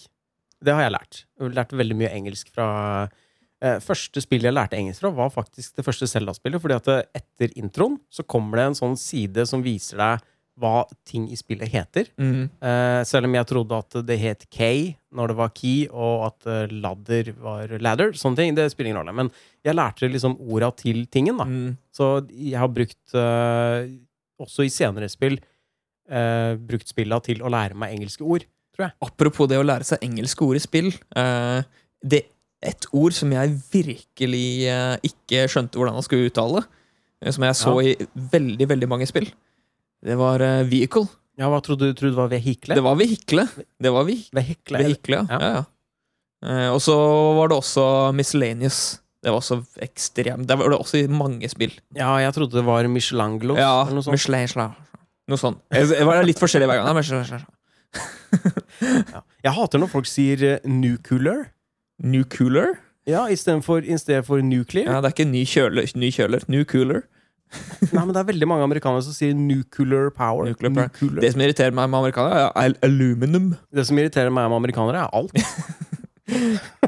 Men de, de, de, har ikke, de sier ikke bare aluminum, men de har om, omstavet ordet. Og det er det som irriterer meg mest. Fordi det følger ikke reglene til noen av, eh, av de andre eh, navngivningene. Nei, det er sant. For det er ikke sånn Det er ikke platunum. Men har du, ikke, har du ikke sett her i Norge, så kan du gå og kjøpe alufolie. Det står bare alufolie. Jeg er ganske sikker på. Alufolie. Ja. Ja. Da vet ikke, vet ikke engang hvordan de staver resten av ordet, så det er bare alu. Det, er van, det er vanskelig, da, å stave. Men, de, Ja. men de, jeg tenker, altså, det er langt ord, da. Så det, at det kunne vært aluminiumsfolie. At de kunne skrevet At det ikke at de korta ned til alufolie bare fordi at de hadde liten plass. da Liten uh, real estate å skrive det på. Men de er ganske lange, de boksene. Så de hadde fint fått plass til aluminiumsfolie. Ja, Hvis ikke boksen har blitt kortere da, siden den gang. At uh, det sto aluminiumsfolie før, men nå står det alufolie. Men uh, hva, da, da, får du mye kort, da får du mye mindre rull. Det er jo veldig lite praktisk. Ja, men de sparer jo penger på det, de som lager det. At da må du kjøpe flere ruller, da. vet du. Men- Oftere. Men eh, apropos hva du har lært av dataspill og brukt i virkeligheten. Eh, bruker du ofte noen av stealth-egenskapene fra spill? Sånn når du er i butikk og sånn, pleier du også å sitte bak en reol og vente? Lærer du deg på en måte ruta til andre kunder i butikken, sånn at du vet når du kan gå fram og hente banan, eksempel? Jeg, eh, jeg makser aldri eh, stealth. Jeg kjører aldri stealth i spill. Så Men, eh, men jeg pleier. Jeg pleier ofte å kjøre liksom noe heavy våpen og sånn. Eh, så det hender jo at jeg slår ned noen folk med klubbe og sånn. Ja. Eh, intelligence pleier jeg alltid å makse ut. Eh, det føler jeg Det kommer godt Det kommer ganske godt til bruks på skole. Ja. Ellers så Jo, også, jo, jeg hårder jo like mye spill da som jeg gjør i virkeligheten. Og spørsmålet er hva som kom først der, det vet jeg ikke. Apropos hoarding. vi, har, vi svarte vi på det vi har tatt ut av dataspill. Jeg har tatt engelsk. Og stealth. Ja, jeg har vel egentlig ikke tatt noen ting, så vidt jeg vet. Ingenting. Nei, Jeg kommer ikke på en eneste ting. eh, Dataspill har vært fullstendig ubrukelig for meg i livet mitt. Eh, Men apropos hoarding, vi har fått et spørsmål fra Morten. Hei, Morten. Hvorfor kan man bare bære et visst antall rustninger og sverd, men en uendelig mengde gullmynter? Når gull er vitenskapelig bevist tyngre enn bly? Er det vitenskapelig bevist, altså? Er det vitenskapelig bevist tyngre enn bly? Er det Har det? vi Har vi, har vi bevis for det? Har vi Men, uh, Kan du google det? Nei da. men uh, i noen spill uh, så har gull verdi. Eller har gull vekt, mener jeg. Ja, jeg husker ikke hvilket i farta. Nei, jeg husker ikke eksakt hvilket men jeg vet at det er i hvert fall ett spill som har det. I hvert fall ett. Hvert, Av hvert fall ett. så er det hvert fall ett. Ja, ja. De, de, det var vel de fleste skjønte at det var ikke så veldig nyttig. Jeg liker ikke den begrensningen i spill. Jeg skjønner ikke poenget med at jeg ikke skal få lov til å plukke med meg absolutt alt jeg vil ha hele tida. Jeg syns kanskje den begrensningen er teit, med mindre det er en ordentlig eh, et, et ordentlig faktor i spillet. Altså sånn at du kan bære med deg veldig lite. Ja. Eh, sånn at, at du nesten sånn realistisk sett, da kanskje du kan ta med deg en øks, og så kan du ta med deg litt klær. Eh, men ellers så kan du ikke bære på så veldig mye, for da blir det kanskje en, en del av gameplay. Men eh, hvis du kan ta med deg 20 armors og tre hamre, og så blir det over encumbered da, fordi du skal ta med deg en brødboks eller boks med eh, whatever ved siden av. det, det, er, det, da, det gir ikke noe mening, egentlig. Nei, på Skyrim og Fallout-spillet så er jo uh, encumbrance et kjempeproblem hele tida. Ja, For det er uansett hvor mye du oppgraderer styrke der, og, hvor, og carrying capacity, så ender jeg alltid opp med å bære med meg mer enn jeg egentlig kan bære. Og det er, det, er jo ikke noe, det er jo ikke noe morsomt med det gameplayet. Jeg skjønner ikke hvorfor det er med i det hele tatt. Kunne de ikke i hvert fall da lagt inn en funksjon sånn at du kan For det er det noen spill som gjør at du kan på en måte bryte ned gjenstander til resources, da. Mm. Og at de eh, ikke veier noe, for eksempel. At hvis jeg finner en ekstra sniper, så kan jeg bryte den ned til jern og electronics, for eksempel. Og optics, eller noe. Mm. Og så kan jeg ha det, og så kan jeg kanskje crafte noe av det senere. Det kunne vært en grei løsning. I spill som Skyrim og sånn, så um, jeg, jeg skal jo crafte ting. Jeg skal jo lage potions og stæsj hele tida. For det er jo det, noe av det jeg syns er artigst i de spillene, av en eller annen grunn. Så jeg pluk, plukker med meg alt. Alltid. Alt. Ja, men jeg også gjør det. Men det er så jævla frustrerende, for dette, det er mange av de tinga du plukker opp som egentlig ikke ser ut til å ha noen ordentlig funksjon, men så trenger du dem allikevel. Sånn som i, i Fallout, da, hvor du trenger eh, materialene som ting er laga. Og det er så jævla bedriten, fordi du kan vel ikke du kan ikke fast travel når du er overencumbered, og noen ganger så har du så mange våpen som du har oppgradert, og som du ikke vil kvitte deg med, men allikevel så må du bruke en halvtime på å slepe deg over eh, flere kilometer, bare fordi du er nødt til å ha med deg det jævla askebegeret du fant. Ja, ja. Fordi askebegeret inneholder porselen som du trenger for å crafte et eller annet senere. Ja. Det er så ah, Det er så teit. Ja, nei, de burde, jeg syns kanskje de bare burde fjerna det sånne ting i de spillene. Enten, enten gjøre en Ja. ordentlig greie ut av det, med at du kan ta med deg lite, eller uh, bare fjerne det. Vi har fått et annet spørsmål fra Morten i samme slengen, som uh, også er inne på rollespill. Mm. Hva er den kjipeste rollespillfienden du har møtt? Kjipeste rollespillfienden jeg har møtt? Jo, nei, det er klart. Altså, jeg, jeg hater den. Jeg hater fyren. Jeg hater den intenst. og det er uh, en av hovedskurkene i uh, Final Fantasy 10. Seymour. Å, husker jeg ikke. Nei, jeg hater den. Hater den intenst. Jeg hater en type en, Altså en fiendetype som er blant annet i Diablo-spilla. Ja. Og det er den fiendetypen som når du prøver å angripe den, så enten så teleporter den seg rundt, Mm. sånn at du treffer den nesten aldri, eller så bare løper den sin vei, og han løper fortere enn deg, så du klarer ikke å ta den igjen. ja, riktig. Sånne små Jeg husker ikke hva de heter, sånne små imps eller et eller annet. I, det er vel også i Jeg mener det er i Diablo 2. Det kommer bort, og så slår, du, så slår de deg, og så prøver du å slå dem, men så løper de unna, og så plutselig teleporter de seg. Og fy faen, jeg blir så sinna av sånne. Eh, jeg har for øvrig også en annen karakter Eller annen eh, fiende som jeg irriterer meg over nå om dagen. Og det er det at Ja. eh, 90, Jeg føler at 90% av spill har den fienden, og det er bare en slime. En random slime. Jeg føler at alle spill har slime. Ja, men slime er jo en sånn eh, Hva skal jeg si? Ja? Det er jo en sånn fiende som, som uh, har sin opprinnelse i gamle sånn Dungeons and Dragons-spill. Ja, Tror jeg. ja det kan jeg tenke meg. For det er jo der du har jo også sånn gelatinous cube, Mm. som er bare en uh, sånn stor slimkube som eh, inneholder loot eller et eller annet. Jeg mener jeg har sett bilder av det. Jeg tror det var i det gamle eh, Du har jo også en annen, en annen sånn fiendetype som er tatt fra, de, fra Dungeons and Dragons, og det er mimics. Sånne Ja. så kister som utgir seg for å Eller fiender som utgir seg for å være kiste. Ja, stemmer. Mm. De er jævlige. Jeg husker ikke hvilke spill de er så jævlige i, men eh, det er et spill hvor de er helt grusomme. Mm. Spilte du noensinne uh, det gratis rollespillet som var veldig sånn Diablo-aktig, som het Dungeon Runners? Nei, aldri hørt om. Nei, det var online, og det hadde helt fantastisk humor. Ja. Fordi det var lagt opp som eh, Diablo-type spill, eller Path of Exile, den type action-rollespill, med, med levels og upgrades og loot og masse greier. Men det var humorbasert, hele greia. Sånn at du kunne møte på folk som hadde liksom en gigantisk pizzadeler på ryggen. Jeg husker det var en level som var lagt opp som uh, Det het Sitar Hero. Og masse sånn helt idiotiske ting. Masse referanser til eh, populærkultur og sånt. Det høres jo egentlig ganske gøy ut. Ja, det var kjempemorsomt. Mm. Jeg lurer på om det var N NC-soft som, eh, NC-soft som, hadde, som hadde det spillet. Men det ble vel lagt ned sikkert fordi det var kanskje ikke så mange som betalte for det. da Jeg vet ikke, Det var sånn free to play. Mm. Jeg spilte det masse. Det syns jeg var kjempemoro. Anbefaling der. Det går ikke an å- går ikke an å spille det lenge, kanskje, men Jeg anbefaler folk å, hvis de får tak i en tidsmaskin, reise tilbake og spille eh, Dungeon Runners. For det er, det er veldig gøy. Jeg tror det var alle spørsmåla. Ja. Resten kan vi spare. Skal vi da gå over til uh, ukens hjemmelekse? Eller skal vi vente med den? Nei, vi kan ta hjemmeleksa, vi. Vi tar hjemmeleksa, vi.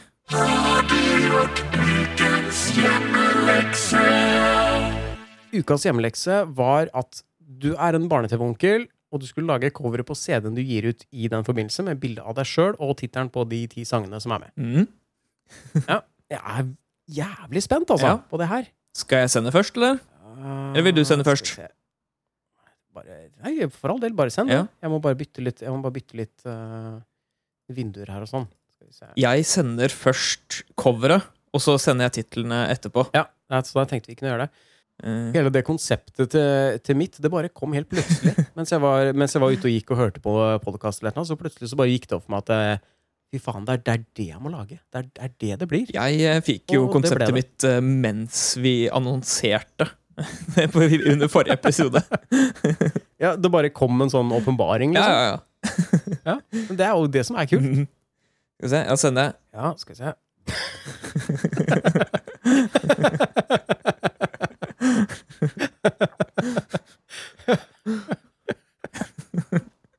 Onkel Pål kjører tog. oh, flott tegning. Takk. Du sitter på et stuegulv eller på rommet ditt eller et eller annet, eh, og du kjører tog. Mhm. Og det sitter en eh, unge og griner ved siden av deg. Ja. Men du ser ikke så glad ut over å kjøre tog. Nei. Det ser ikke ut som du liker å kjøre Nei, tog. men jeg kjører, men jeg kjører det. Men du kjører det likevel. Det ser ut som Hva het sånne tog? Var det Brio? Eh. Brio-tog? Sånn tre, tre, den toga man kan kjøpe. Ja, det er vel Brio, ja. Er det noen som henger sammen med magneter eller noe? Som bare sånn treklosser? Mm, stemmer. Ja, men det var kjempe kjempefint. Onkel Pål kjører tog. Skal jeg sende, sende titlene? Ja, men Onkel Pål kjører tog er da Det er tittelen på, på skiva, Det er sant? tittelen på skiva, ja. Så Ja. sender jeg på baksiden av coveret her. Jeg har laga bakside òg. Ja. ja, flott.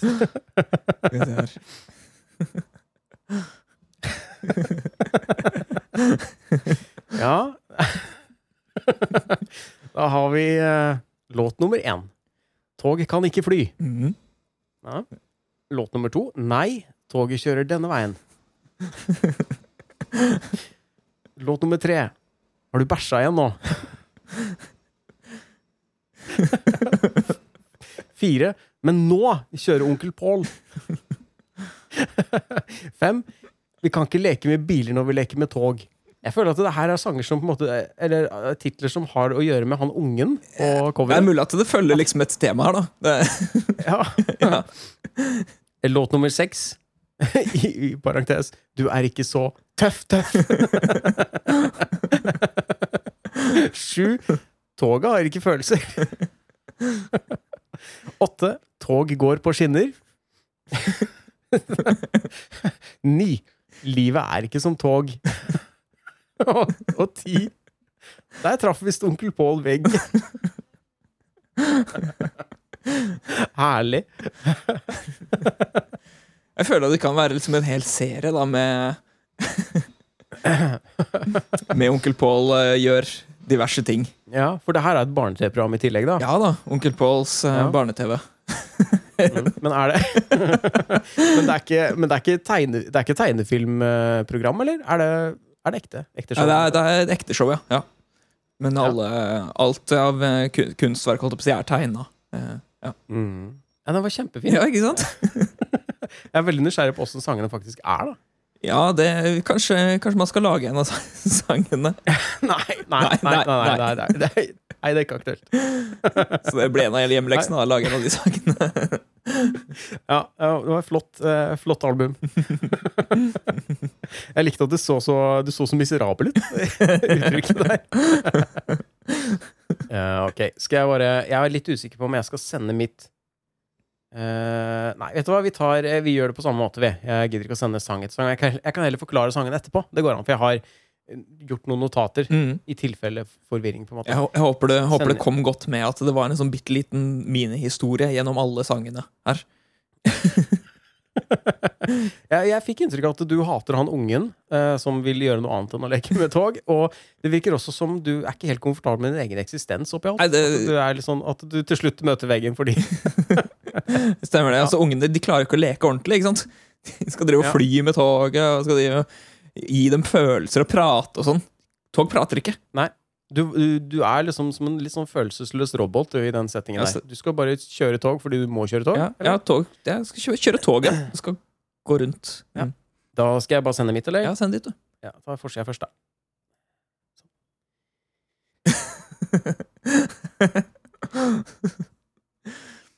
Eh, Tittelen er 'Full rulle med Fetter Petter', volum 1. Ja. Noen av barnas favoritt. Ja, noen ganger så står det sånn 'alle barns favoritt', ikke sant? Men jeg følte ikke at eh, Jeg følte ikke jeg hadde selvtilliten til, til det. Nei, men det var noen av de, da. I hvert fall. Du har, du Ja, har, du har flere, faktisk, favoritter. Eller er det noen av barna? Det er, det er noen få av barna som eh, har deg som favoritt. Ja, noen, noen av Ja, dem. riktig. ja Kanskje. Ja. Hør sangene fra den elleville TV-serien. Så dette her, her er det ganske tydelig da at du, du har en TV-serie. Ja. Som er for øvrig ellevill. Ja. Eh, Du kjører bil her. eh, Eller lekebil. Olabil. Eh, Ja. Eh, Hvorfor kunne det ikke hett noe annet eh, enn olabil, liksom? Eh, Kunne hett Bjarne, Bjarnebil eller Magnusbil. Det heter jo ikke eh, Bjarne Bukse eller Magnus Bukse, så det er sikkert derfor, da. Ja, Hvorfor skal Ola få alle de tingene, da? Jeg vet ikke. Ja, Det var helt, det er helt nydelig, nydelig cover, da. Jeg hadde kjøpt, jeg. Ja. Ser det her eh, Kjører veldig fort. Ja, ja det, det ser jo Du har de fartsstrekene som indikerer at det går veldig fort.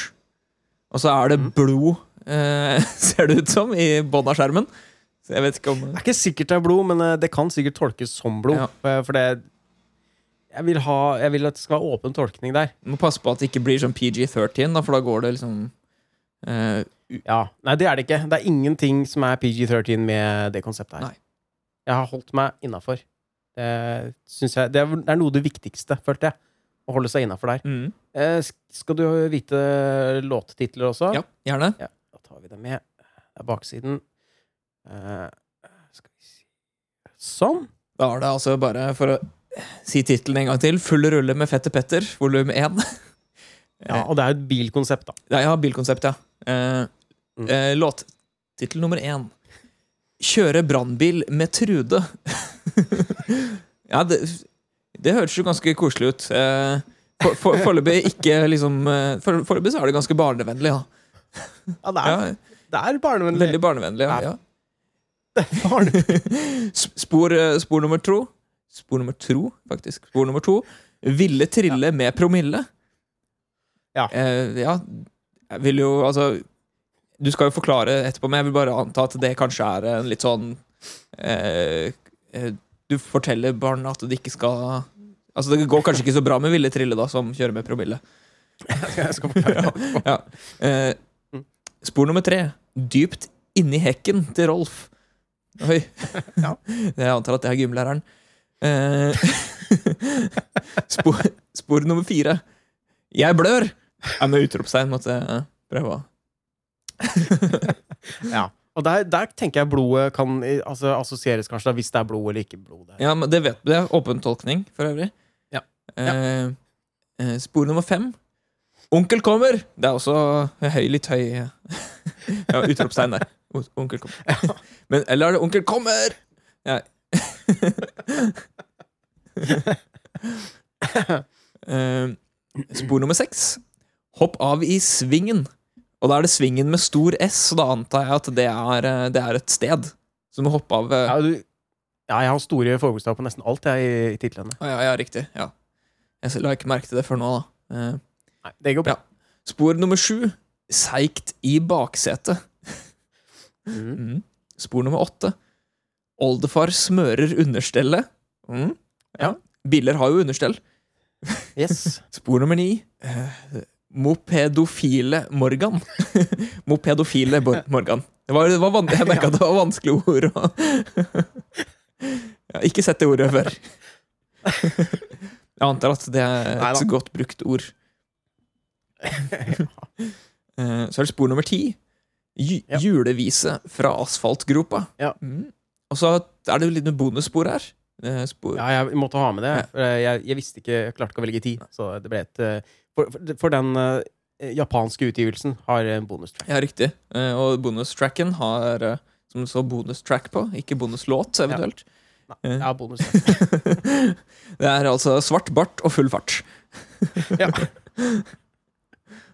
Eh, skal jeg bare forklare sånn veldig veldig kjapt hva de forskjellige sangene er, da? Ja, det synes jeg. uh, Full rulle med Fette Petter. Det er jo Vi har et sånn, eh, Det er et program. Vi bor et sted som heter Asfaltgropa. Jeg og også en del andre sånne figurer, sånn Muppets. da. Ja. Morgan og Rolf. Ja, Asfaltgropa er der vi, det er der vi bor. Ja. Så som første låt, da, som heter 'Kjøre brannbil med Trude', da er det Tigeren Trude som jobber i brannvesenet, og Fette Petter og de andre figurene får være med på en tur. Ja. Da er vi med.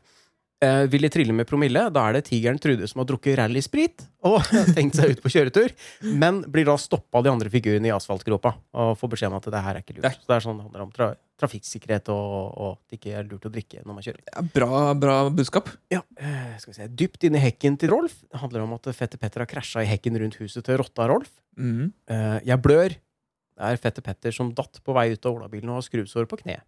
Ja. Eh, Onkel kommer!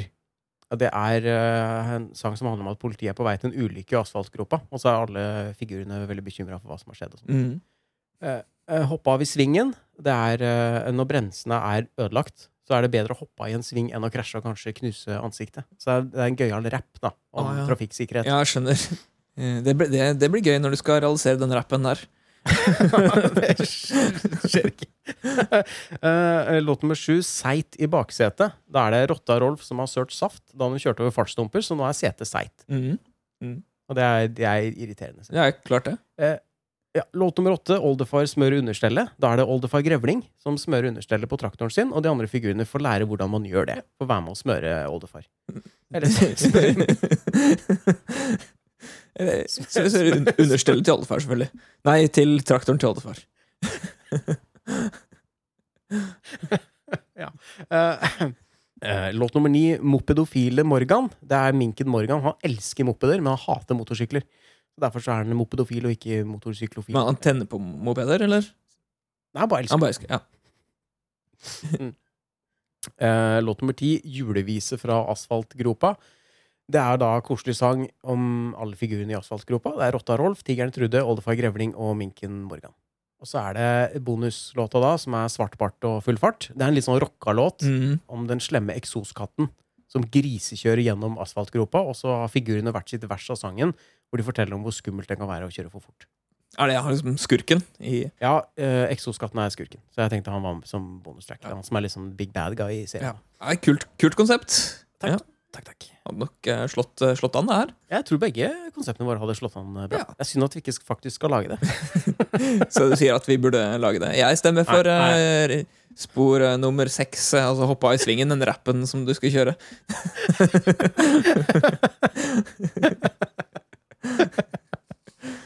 Nei. Nei, To, to, den- to vers og ett refreng. Den leksa, den leksa er ferdig. Det hadde vært eh, Det hadde vært helt fantastisk å høre det. Ja, det har vært grusomt. Det kommer ikke til å skje. Det kommer ikke til å skje. Det var hjemmeleksa. Det var hjemmeleksa, det. Ja. Den eh, får du se på Instagram og Facebook Det vil jeg tro. hvis du har lyst til å sjekke ut bildene. Det er fordel å sjekke ut bildene Egne fordel å sjekke ut bildene mens man hører på oss snakke om bildene, men det sier jeg nå etter at vi har snakka om bildene, så det Ja. Gjør det til en annen gang. Hverdagstips med Hans Petter og Pål. Og så utrolig praktisk med det tipset. Har du et uh, hverdagstips? Ja, jeg har et bitte lite hverdagstips. Uh, og det ble Ja. inspirert av ditt uh, hverdagstips uh, forrige uke, faktisk. Ok. Jeg Eh, ditt drill, husker ikke hva det var. Å drilltips. ja, drilltips. Ja. Ja. Mhm. Eh, og hverdagstipset mitt med drill, mitt drilltips, drilltips, dagens drilltips, det er hvis du har en limpistol og en eh, magnet, så kan du feste eh, den magneten på drillen, på siden av drillen, der hvor du ikke holder og Du har, masse plass på drillen til å gjøre det, og da kan du feste, feste de bitsa som du bruker mest vanlig, på den magneten. Oh, ja. Så Så slipper du å miste det. Jeg trodde du hadde tenkt til å ha drillen hengende på kjøleskapet. Oh, ja, ja, riktig. Så vet du alltid hvor den er. Eh, Du, du trodde jeg hadde tenkt å lage en litt stor kjøleskapsmagnet? Ja. For noen ganger så er de så flate, de kjøleskapsmagnetene, at de er litt vanskelig å plukke av. Ja. Og så er de litt sånn harde. Men med, hvis du har en hel drill, så er det mye lettere å dra av. eh.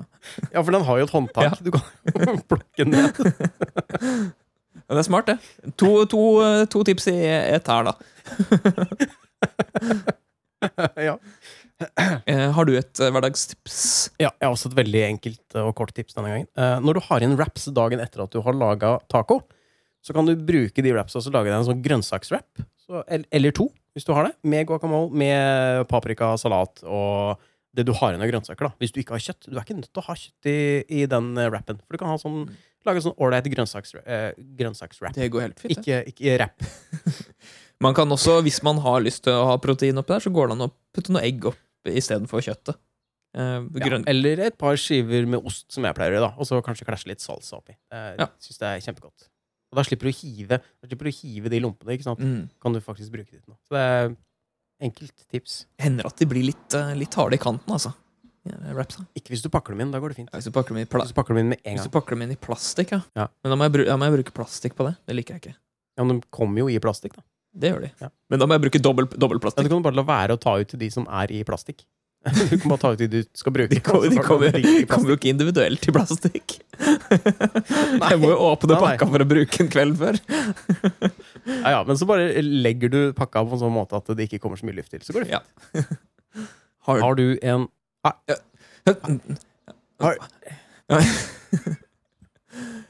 Ja, sier det, du. Eh, Ja, nei, jeg skulle spørre om du har en anbefaling, jeg. Ja, veldig enkelt. Uh, The Last of Us Part 2 til PlayStation 4. Mm. Det er dritbra. Ikke hør på idioter på Reddit eller på ja, som sitter og skriker fordi Eller, de er sure for at historien ikke er gått akkurat sånn som de vil. eller, eller hør på det. Og så ikke spill det. Nei. Bare drit i det. Nei, ikke hør på det. Spill det. Det er kjempebra. Veldig, veldig bra. Mm. Og det er så bra gjennomført. Det er så Det er så Det er lagt ned så mye kjærlighet og kreativitet i alt der, av liksom cutscenes og dialogen og skuespillet, og det er så bra. Det er som å se en skikkelig, skikkelig bra film eller serie. Så jeg kan varmt anbefale Last of Us Part 2. Mm. Jeg har hørt at det er eh, At gameplay også er eh, forbedret litt fra forrige, forrige runde. Det er det. Det er mye mer smooth Mm. denne gangen. Det er bra. Har du en anbefaling denne uken? Jeg har ingen anbefaling denne uken. Nei. Jeg har ikke sett eller uh, gjort noe som jeg kan anbefale videre. Nei. Nei, nei. Det er vel en fin avslutning på episoden, det. Da avslutter vi med ingenting. Vi skal ikke takke de som hørte på engang. Skal vi ikke si tusen takk? Vi kan godt gjøre det. Skal vi gjøre det? Ja, gjør det. Ja. Og takk til de som hørte på, da. Det er fint å ta med det. Det er veldig hyggelig at folk hører på. Og sender oss meldinger og spørsmål. Og... Ja, det er faktisk veldig hyggelig. Vi hadde ikke giddet å gjort det hvis ikke folk hadde hørt på. Eller hadde vi det? Kanskje vi hadde det. Nei. Nei, jeg tror ikke jeg hadde det. Eh, Minst to lyttere, ellers så gidder Ja, jeg ikke. Det er der setter jeg Ja, grensen. men det greit. Da avslutter vi nå, da. Nå er jeg ferdig. Nå er vi ferdig. Ha det, ass. Ha det.